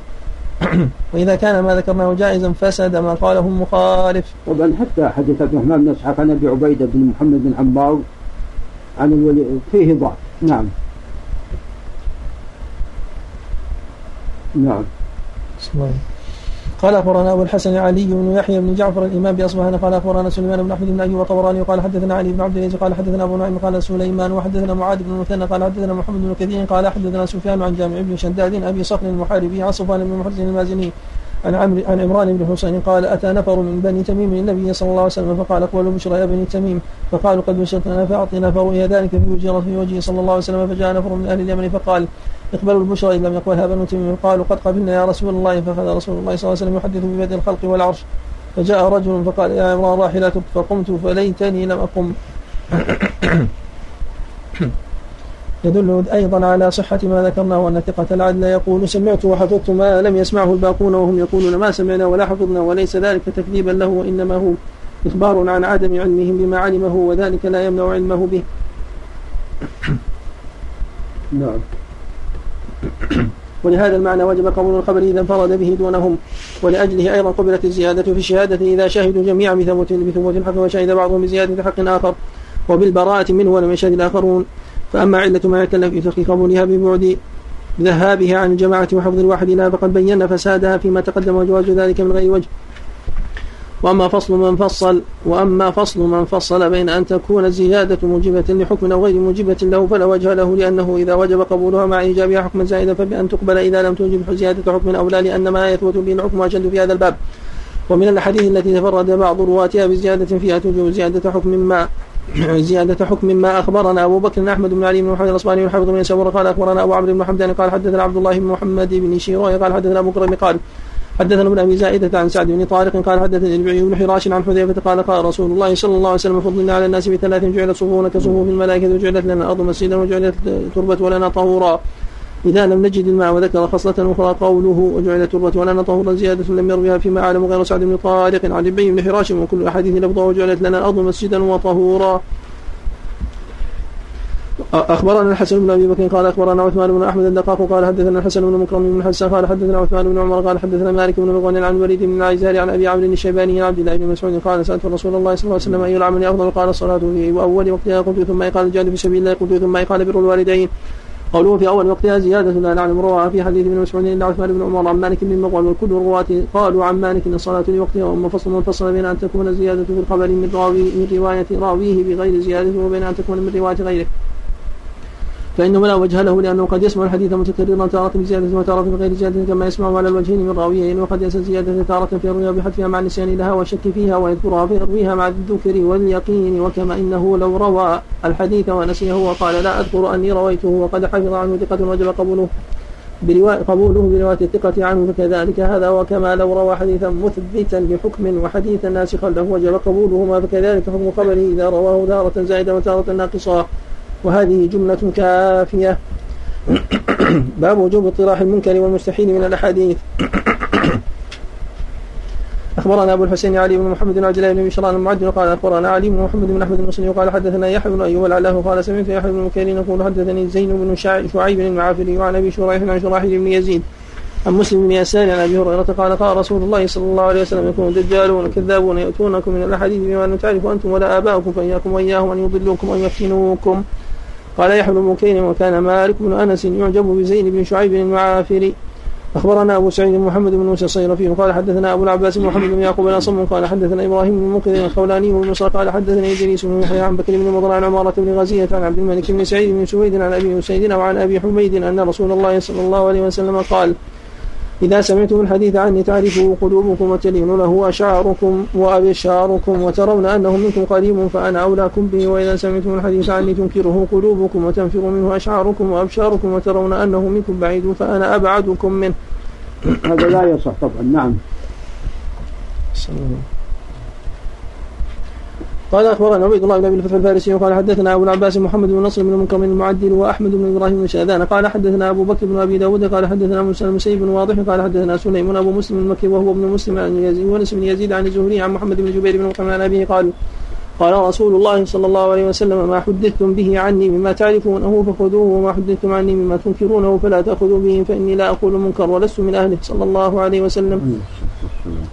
اخبرنا إبراهيم بن مخلد بن جعفر المعدل قال حدثنا أحمد بن كامل القاضي قال حدثنا أبو جعفر محمد بن جرير الطبري قال حدثنا محمد بن عبيد عن المحاربي وقال حدثنا صالح بن موسى عن عبد العزيز بن رفيع عن أبي صالح عن أبي هريرة عن النبي صلى الله عليه وسلم أنه قال سيأتيكم عني أحاديث مختلفة فما جاءكم موافقا لكتاب الله ولسنتي فهو مني وما جاءكم مخالفا لكتاب الله تعالى ولسنتي فليس مني. هذا أيضا موضوع نعم. نعم. قال أخبرنا محمد بن أحمد بن رزق البزاز وقال أخبرنا أبو عمرو عثمان بن محمد بن سقط بقراءته عليه قال حدثنا الحسن بن الطيب الشجاعي قال حدثنا قتيبة قال حدثنا الضبي عن سير أبي المنهال عن أبي العالية قال لا تقوم الساعة حتى يمشي إبليس في الطرق والأسواق يقول حدثني فلان عن فلان عن النبي صلى الله عليه وسلم بكذا أو كذا نعم. أخبرني محمد بن حسين القطان قال أخبرنا دعلج بن أحمد قال أخبرنا أحمد بن علي الأبار قال حدثني عبد الرحيم بن خازم البلخي قال حدثنا الحكم الخاشتي قال حد قال سمعت حماد بن زيد يقول وضعت الزنادقة على رسول الله صلى الله عليه وسلم 12 ألف حديث. طبعا والذي قبله لا يصح مع أنه عن أبي العالية. لا يصح إلى أبي العالية. نعم. أخبرنا أبو طالب عمر بن إبراهيم بن سعيد الفقيه قال حدثنا محمد بن خلف بن جيان الخلال. الخلال قال حدثنا الحسين بن إسماعيل قال نعم. حدثنا حماد بن زيد. عن جعفر بن سليمان. قال حدثنا أبو أمية الطرسوسي قال حدثنا سليمان بن حرب قال حدثنا حماد بن زيد عن جعفر بن سليمان قال سمعت المهدي يقول أقر عندي رجل من الزنادقة انه وضع 400 حديث فهي تجول في أيدي الناس.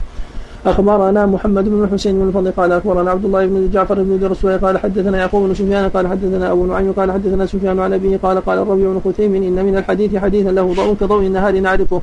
وإن من الحديث حديثا له ظلمة كظلمة الليل ننكره كتب إلينا أبو محمد عبد الرحمن بن عثمان الدمشقي وحدثناه محمد بن يوسف النسابوري عنه قال أخبرنا أبو الميمون البجلي قال أخبرنا أبو زرعة عبد الرحمن بن عبد النصري قال حدثني أحمد بن أبي الحواري قال حدثنا الوليد بن مسلم قال سمعت الأوزاعي يقول كنا نسمع الحديث ونعرضه على أصحابنا كما نعرض الدرهم الزائف فما عرفوا منه أخذنا وما أنكروا منه تركناه.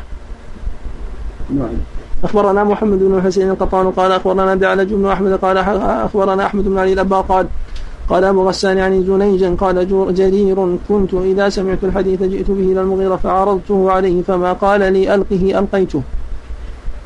باب ذكر ما يقبل فيه خبر الواحد وما لا يقبل فيه خبر الواحد لا يقبل في شيء من أبواب الدين المأخوذ من المكلفين العلم به والقطع عليه والعلة في ذلك أنه إذا لم يعلم أن الخبر قول رسول الله صلى الله عليه وسلم كان أبعد من العلم بمضمونه فأما ما عدا ذلك من الأحكام التي يوجب علينا يوجب علينا العلم بأن النبي صلى الله عليه وسلم قررها وأخبر عن الله عز وجل بها. فإن خبر الواحد فيها مقبول والعمل به واجب ويكون ما ورد فيه شرعا لسائر المكلفين أن يعمل به وذلك نحو ما ورد في الحدود والكفارات وهلال رمضان وشوال وأحكام الطلاق والعتاق والحج والزكاة والمواريث والبيعة والطهارة والصلاة وتحريم المحظورات. ولا يقبل خبر الواحد في منافاة حكم العقل وحكم القرآن الثابت المحكم والسنة المعلومة والفعل الجاري مجرى السنة وكل دليل مقطوع وكل دليل مقطوع به وإنما يقبل به فيما لا يقطع به مما يجوز ورود التعبد به كالأحكام التي تقدم ذكرنا لها وما أشبهها مما لم نذكره الصواب أنه يقبل نعم إذا ثبت الخبر سواء كان أحد أو متواتر نعم السلام عليكم. نعم لا يلتفت إلى هذا الصواب أنه يقبل هذا مذهب أهل السنة والحديث دلت على هذا النصوص الشريعة. نعم. السلام. باب القول في تعارض الأخبار وما يصح التعارض فيه وما لا يصح. حدثت على أبي مح... عن أبي أحمد محمد بن محمد بن أحمد بن إسحاق النيسابوري الحافظ قال سمعت أبا بكر محمد بن إسحاق بن خزيمة يقول لا أعرف أنه روي عن النبي صلى الله عليه وسلم حديثان بإسنادين صحيحين متضادين. فمن كان عنده فليأتي به حتى أؤلف بينهما. حدثني محمد بن عبيد الله المالكي وأنه قرئ على القاضي أبي بكر بن محمد بن الطيب قال الأخبار على ضربين ضرب منها يعلم أن رسول الله صلى الله عليه وسلم تكلم بهما بضرورة أو دليل ومنها ما لا يعلم أن كونه تكلم به فكل خبرين علم أن النبي صلى الله عليه وسلم تكلم بهما فلا يصح دخول التعارض فيهما على وجه. وإن كان ظاهرهما متعارضا إلا أن معنى التعارض بين الخبرين والقرآن من أمر ونهي وغير ذلك أن يكون موجب أحدهما منافيا لموجب الآخر. وذلك يبطل التكليف إن كان أمرا ونهيا وإباحة وحضرا أو يوجب كون أحدهما صدقا والآخر كذبا إن كان خبرين والنبي صلى الله عليه وسلم منزه عن ذلك أجمع ومعصوم عنه باتفاق الأمة وكل مثبت للنبوة وإذا ثبت هذه الجملة وجب متى علم أن قولين ظاهر وتعارض ونفي أحدهما لموجب ونفي أحدهما لموجب الآخر أن يحمل النفي والإثبات على أنهما في زمانين أو فريقين أو على شخصين أو على صفتين مختلفتين. هذا ما لا بد منه مع العلم بحالة مناقضته صلى الله عليه وسلم في شيء من تقرير الشرع والبلاغ وهذا مثل أن يعلم أنه قال أنه قال الصلاة واجبة على أمتي وقال أيضا ليست بواجبة أو الحج واجب على زيد هذا وهو غير واجب عليه وقد نهيت عن الفعل ولم أنهى عنه وهو مطيع لله فيه وهو عاصم به وأمثال ذلك فيجب أن يكون المراد بهذا أو نحوه أنه آمر للأمة بالصلاة في وقت وغير آمر لها فيها في غيره وآمر لها وآمر لها بها إذا كانت متطهرة ونهيها ونهيها إذا كان إذا كانت محدثة وأمره لها. إيه وأمر لها بها إذا كانت متطهرة ونهيها إذا كانت محدثة وآمر لزيد بالحج إذا قدر. وغير آمر إذا لم يقدر فلا بد من حمل ما علم أنه تكلم به من التعارض على بعض هذه الوجوه وليس يقع التعارض بين قوله إلا بأن يقدر كونه آمرا بالشيء وناهيا عنه لمن أمر به على وجه ما أمره به وذلك إحالة في صفته. باب القول في ترجيح الأخبار. ما وجب العلم من الأخبار لا يصح دخول التقوية والترجيح فيه لأن المعلومين إذا تعارض استحال تقوية أحدهما على الآخر إذ العلوم كلها تتعلق بسائر المعلومات على طريقة واحدة لا يصح التزايد والاختلاف فيها وما لا وما لا يوجب العلم من الأخبار فيصح دخول التقوية والترجيح فيها إذا لم يمكن الجمع بينهما في الاستعمال لتعارضها في الظاهر وإنما صح دخول الترجيح فيها لأنه لأنها تقتضي غلبة الظن دون الأمر والقطع. ومعلوم أن الظن يقوى, يقوى بعضه على بعض عند كثرة الأحوال والأمور المقوية لغلبته فصح بذلك تقوية أحد الخبرين على الآخر بوجه من الوجوه فتارة بكثرة الرواة وتارة بعدالتهم وشدة ضبطهم وتارة بما يعضد أحد الخبرين من الترجيحات التي نذكرها بعد إن شاء الله وكل خبر واحد دل العقل أو نص الكتاب أو نص دل العقل أو نص الكتاب أو الثابت من الأخبار والإجماع والدلالة الأدلة الثابتة المعلومة على صحته. وجد خبرا آخر يعارضه فإنه يجب اطراح ذلك المعارض والعمل بثابت الصحيح لازم لأن العمل بالمعلوم واجب على كل حال. نعم طبعا حتى القسم الأول أيضا يتقوى يدخله التقوية لو حتى كان يقطع به. نعم. لأن كلما تضافت الأخبار كلما زاد القطع لأن التصديق يختلف. التصديق يزداد وينقص. نعم. ولذا كان الإيمان يزداد بالعمل وينقص الإيمان يزداد بالعمل ويزداد أيضا بقوة اليقين الذي في القلب. فالذي في القلب أيضا يزيد والذي في الجوارح أيضا يزيد وينقص. نعم. أخبرنا محمد. نعم. أخبرنا محمد بن أحمد بن يعقوب قال أخبرنا محمد بن نعيم الضبي قال حدثنا أبو إسحاق إبراهيم بن محمد الفقيه البخاري قال حدثنا عبد العزيز بن حاتم قال حدثنا علي بن الحسن بن شقيق قال سمعت عبد الله بن مبارك يقول إجماع الناس على شيء أوثق في نفسه من سفيان عن منصور عن إبراهيم عن علقمة عبد الله بن مسعود. فمما يوجب تقوية أحد الخبرين المتعارضين وترجيحه على الآخر سلامة في المتن من الاضطراب وحصول ذلك في الآخر. لأن الظن بصحة ما سلم متنه من الاضطراب يقوي يقوى ويضعف في أو يقوي ويضعف في نفس في النفس سلامة ما اختلف لفظ متنه فإن كان اختلافا يؤدي إلى اختلاف معنى الخبر فهو أكد وأظهر في اضطرابه. وأجدر أن يكون راويه ضعيفا قليل الضبط لما سمع وكثير التساهل في تغيير ألفاظ الحديث لفظ الحديث. وإن كان اختلاف اللفظ لا يوجب اختلاف معناه فهو أقرب من الوجه الأول غير أن ما لم يختلف لفظه أولى بتقديم بالتقديم عليه. طبعا الإجماع أقوى من من الخبر الواحد. لأن أي نعم أقوى من الإسناد. نعم لأن الإجماع يكون فيه أخبار ما يكون إجماع بدون أدلة من كتاب وسنة. فإذا وجدت أدلة وصار إجماع واتفاق صار لا شك أقوى من الخبر الواحد. نعم. قال بذلك ابن مبارك وهو يقول الإسناد من الدين. لا شك. ونفسه. لا شك. نعم الإسناد من الدين. نعم. تفضل. فإن قيل يجب أن تكون رواية الزيادة في المتن اضطرابا قلنا لا يجب ذلك لأنه في معنى خبرين منفصلين على ما بيناه وإن عرف المحدث بكثرة الزيادات في الأحاديث التي يرويها الجماعة الحفاظ بغير زيادة وسبق إلى الظن قلة ضبطه وتساهل بالتغيير والزيادة قدم خبر غيره عليه. ومما يوجب ذلك أيضا أن يكون سنده عاريا من الاضطراب والسند الآخر مضطربا واضطراب السند أن يذكر راويه رجالا فيلبس أسماءهم وأنسابهم ونعوتهم تدليسا للرواية عنهم. وإنما يفعل ذلك غالبا في الرواية عن الضعفاء وإنما يفعل ذلك غالبا في الرواية عن الضعفاء. وقد يرجح أحد الخبرين بأن يكون مرويا في تضاعيف قصة مشهورة متداولة معروفة عند أهل النقل لأن ما يرويه الواحد مع غيره أقرب في النفس إلى صحة إلى الصحة مما يرويه الواحد عاليا عن قصة مشهورة وقد يرجح أيضا بضبط راويه وحفظه وقلة غلطه. لأن الظن يقوى بذلك. أخبرنا محمد بن جعفر بن علان الوراق قال أخبرنا أبو الفتح محمد بن الحسين الأزدي قال حدثنا أبو يعلى أحمد بن علي قال حدثنا الحارث بن سريج قال سمعت عبد الرحمن بن مهدي يقول إنما يستدل, يستدل على حفظ المحدث إذا لم يختلف عليه الحفاظ. ويرجح أيضا بأن يقول راويه سمعت فلانا يقول راوي ويقول الراوي الآخر كتب إلي فلان. لأن المخبر عن السماع والتلقي إذا كان ضابطا أبعد عن الغلط فيما سمعه والآخر يقول عن كتاب يجوز دخول التحريف والغلط فيه. ويرجح أيضا بأن يكون متفقا على أنه مروي عن الرسول صلى الله عليه وسلم ومرفوعا إليه والآخر مختلفا فيه فيرويه تارة مرفوعا وأخرى موقوفا. ولأن ما كان مختلفا فيه أمكن أن يكون أن لا يكون مرفوعا ولا يمكن مثل ذلك فيما أجمع فيما أجمع عنه عن النبي صلى الله عليه وسلم.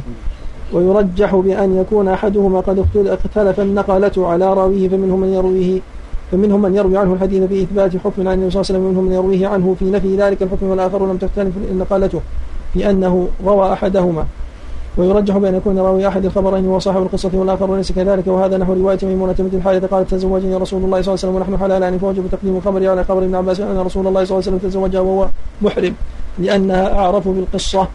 ويرجح بأن يوافق مسند المحدث مرسل غيره من الثقات ويجب ترجيح ما اجتمع فيه الاتصال والإرسال على من فرد عن ذلك.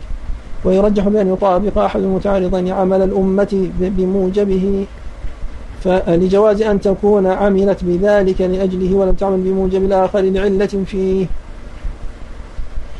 ويرجح بكثرة الرواة لأحد الخبرين أن غلط عنهم والسهو أبعد وهو إلى الأقل أقرب ويرجح بأن يكون رواته فقهاء لأن عناية الفقيه بما يتعلق بالأحكام أشد من عناية غيره بذلك. أخبرني أبو بكر أحمد بن محمد بن عبد الواحد المروذي قال حدثنا محمد بن عبد الله بن محمد الحافظ بن نيسابور قال حدثنا أبو طيب محمد بن أحمد المذكر قال حدثنا إبراهيم بن محمد المروزي قال حدثنا علي بن خشم قال قال لنا وكيع أي الإسنادين أحب إليكم. الأعمش عن أبي وائل عن عبد الله أو سفيان عن منصور عن إبراهيم عن علقم عن عبد الله فقلنا الأعمش عن أبي وائل فقال يا سبحان الله الأعمش شيخ وأبو وائل شيخ وسفيان فقيه ومنصور فقيه وإبراهيم فقيه وعلقمة فقيه. وحديث تداوله الفقهاء خير من أن يتداوله الشيوخ. المقصود الفهم يا شيخنا يعني يكبر الفهم عن الحد إي نعم نعم. يعني كون هؤلاء فقهاء وهم حفاظ أولى من أن يكون حفاظ بدون أن يكونوا فقهاء. نعم. قال أخبرني علي بن أبي علي البصري قال حدثنا محمد بن خلف بن محمد الخلال قال حدثنا محمد بن هارون بن حميد قال حدثنا إبراهيم بن سعيد قال سمعت وكيعا يقول حديث الفقهاء يحب إلي من أحد من حديث المشايخ. ويرجح بأن يكون أحد الخبرين خارجا على وجه البيان للحكم والآخر ليس كذلك. وهذا نحو قول النبي صلى الله عليه وسلم يوم إهاب دبر فقد طهر ولم يفصل بين جلد ما يؤكل لحمه وما لا يؤكل فهو مقدم على ما روي عنه من نهي عن جلود السباع تفترش. لأنه لم يقصد بذلك النهي بيان نجاستها. بل يجوز أن يكون نهى عن ذلك لأن في افتراشها خيلاء وتشبه بملوك الأعاجم. وليس في الخبر تصريح بنجاستها ووجب تقديم خبر الدماغ. أخبرنا أبو نعيم بن الحافظ قال حدثنا أبو محمد عبد الله بن جعفر بن حيان قال حدثنا عبد الله بن محمد بن يعقوب قال حدثنا أبو حاتم يعني الرازي قال حدثني يونس بن عبد الأعلى قال قال لي محمد بن إدريس الشافعي رحمه الله. قال لي محمد بن إدريس الشافعي رحمه الله. الأصل قرآن وسنة فإن لم يكن فقياس عليهما. وإذا اتصل الحديث عن رسول الله صلى الله عليه وسلم وصح منه فهو سنة والإجماع أكبر من الخبر المفرد والحديث على ظاهره وإذا احتمل المعاني فما أشبه منها ظاهره أولاها به. وإذا تكافأت الأحاديث فأصحها إسنادا أولاها. وليس المنقطع بشيء ما عدا منقطع ابن المسيب. ولا يقاس أصل على أصل ولا يقال لأصل لم وكيف. وإنما يقال للفرع لم فإذا صح قياسه على الأصل صح. وقامت به الحجة أحسنت. بارك الله فيك. هذا وبالله تعالى التوفيق.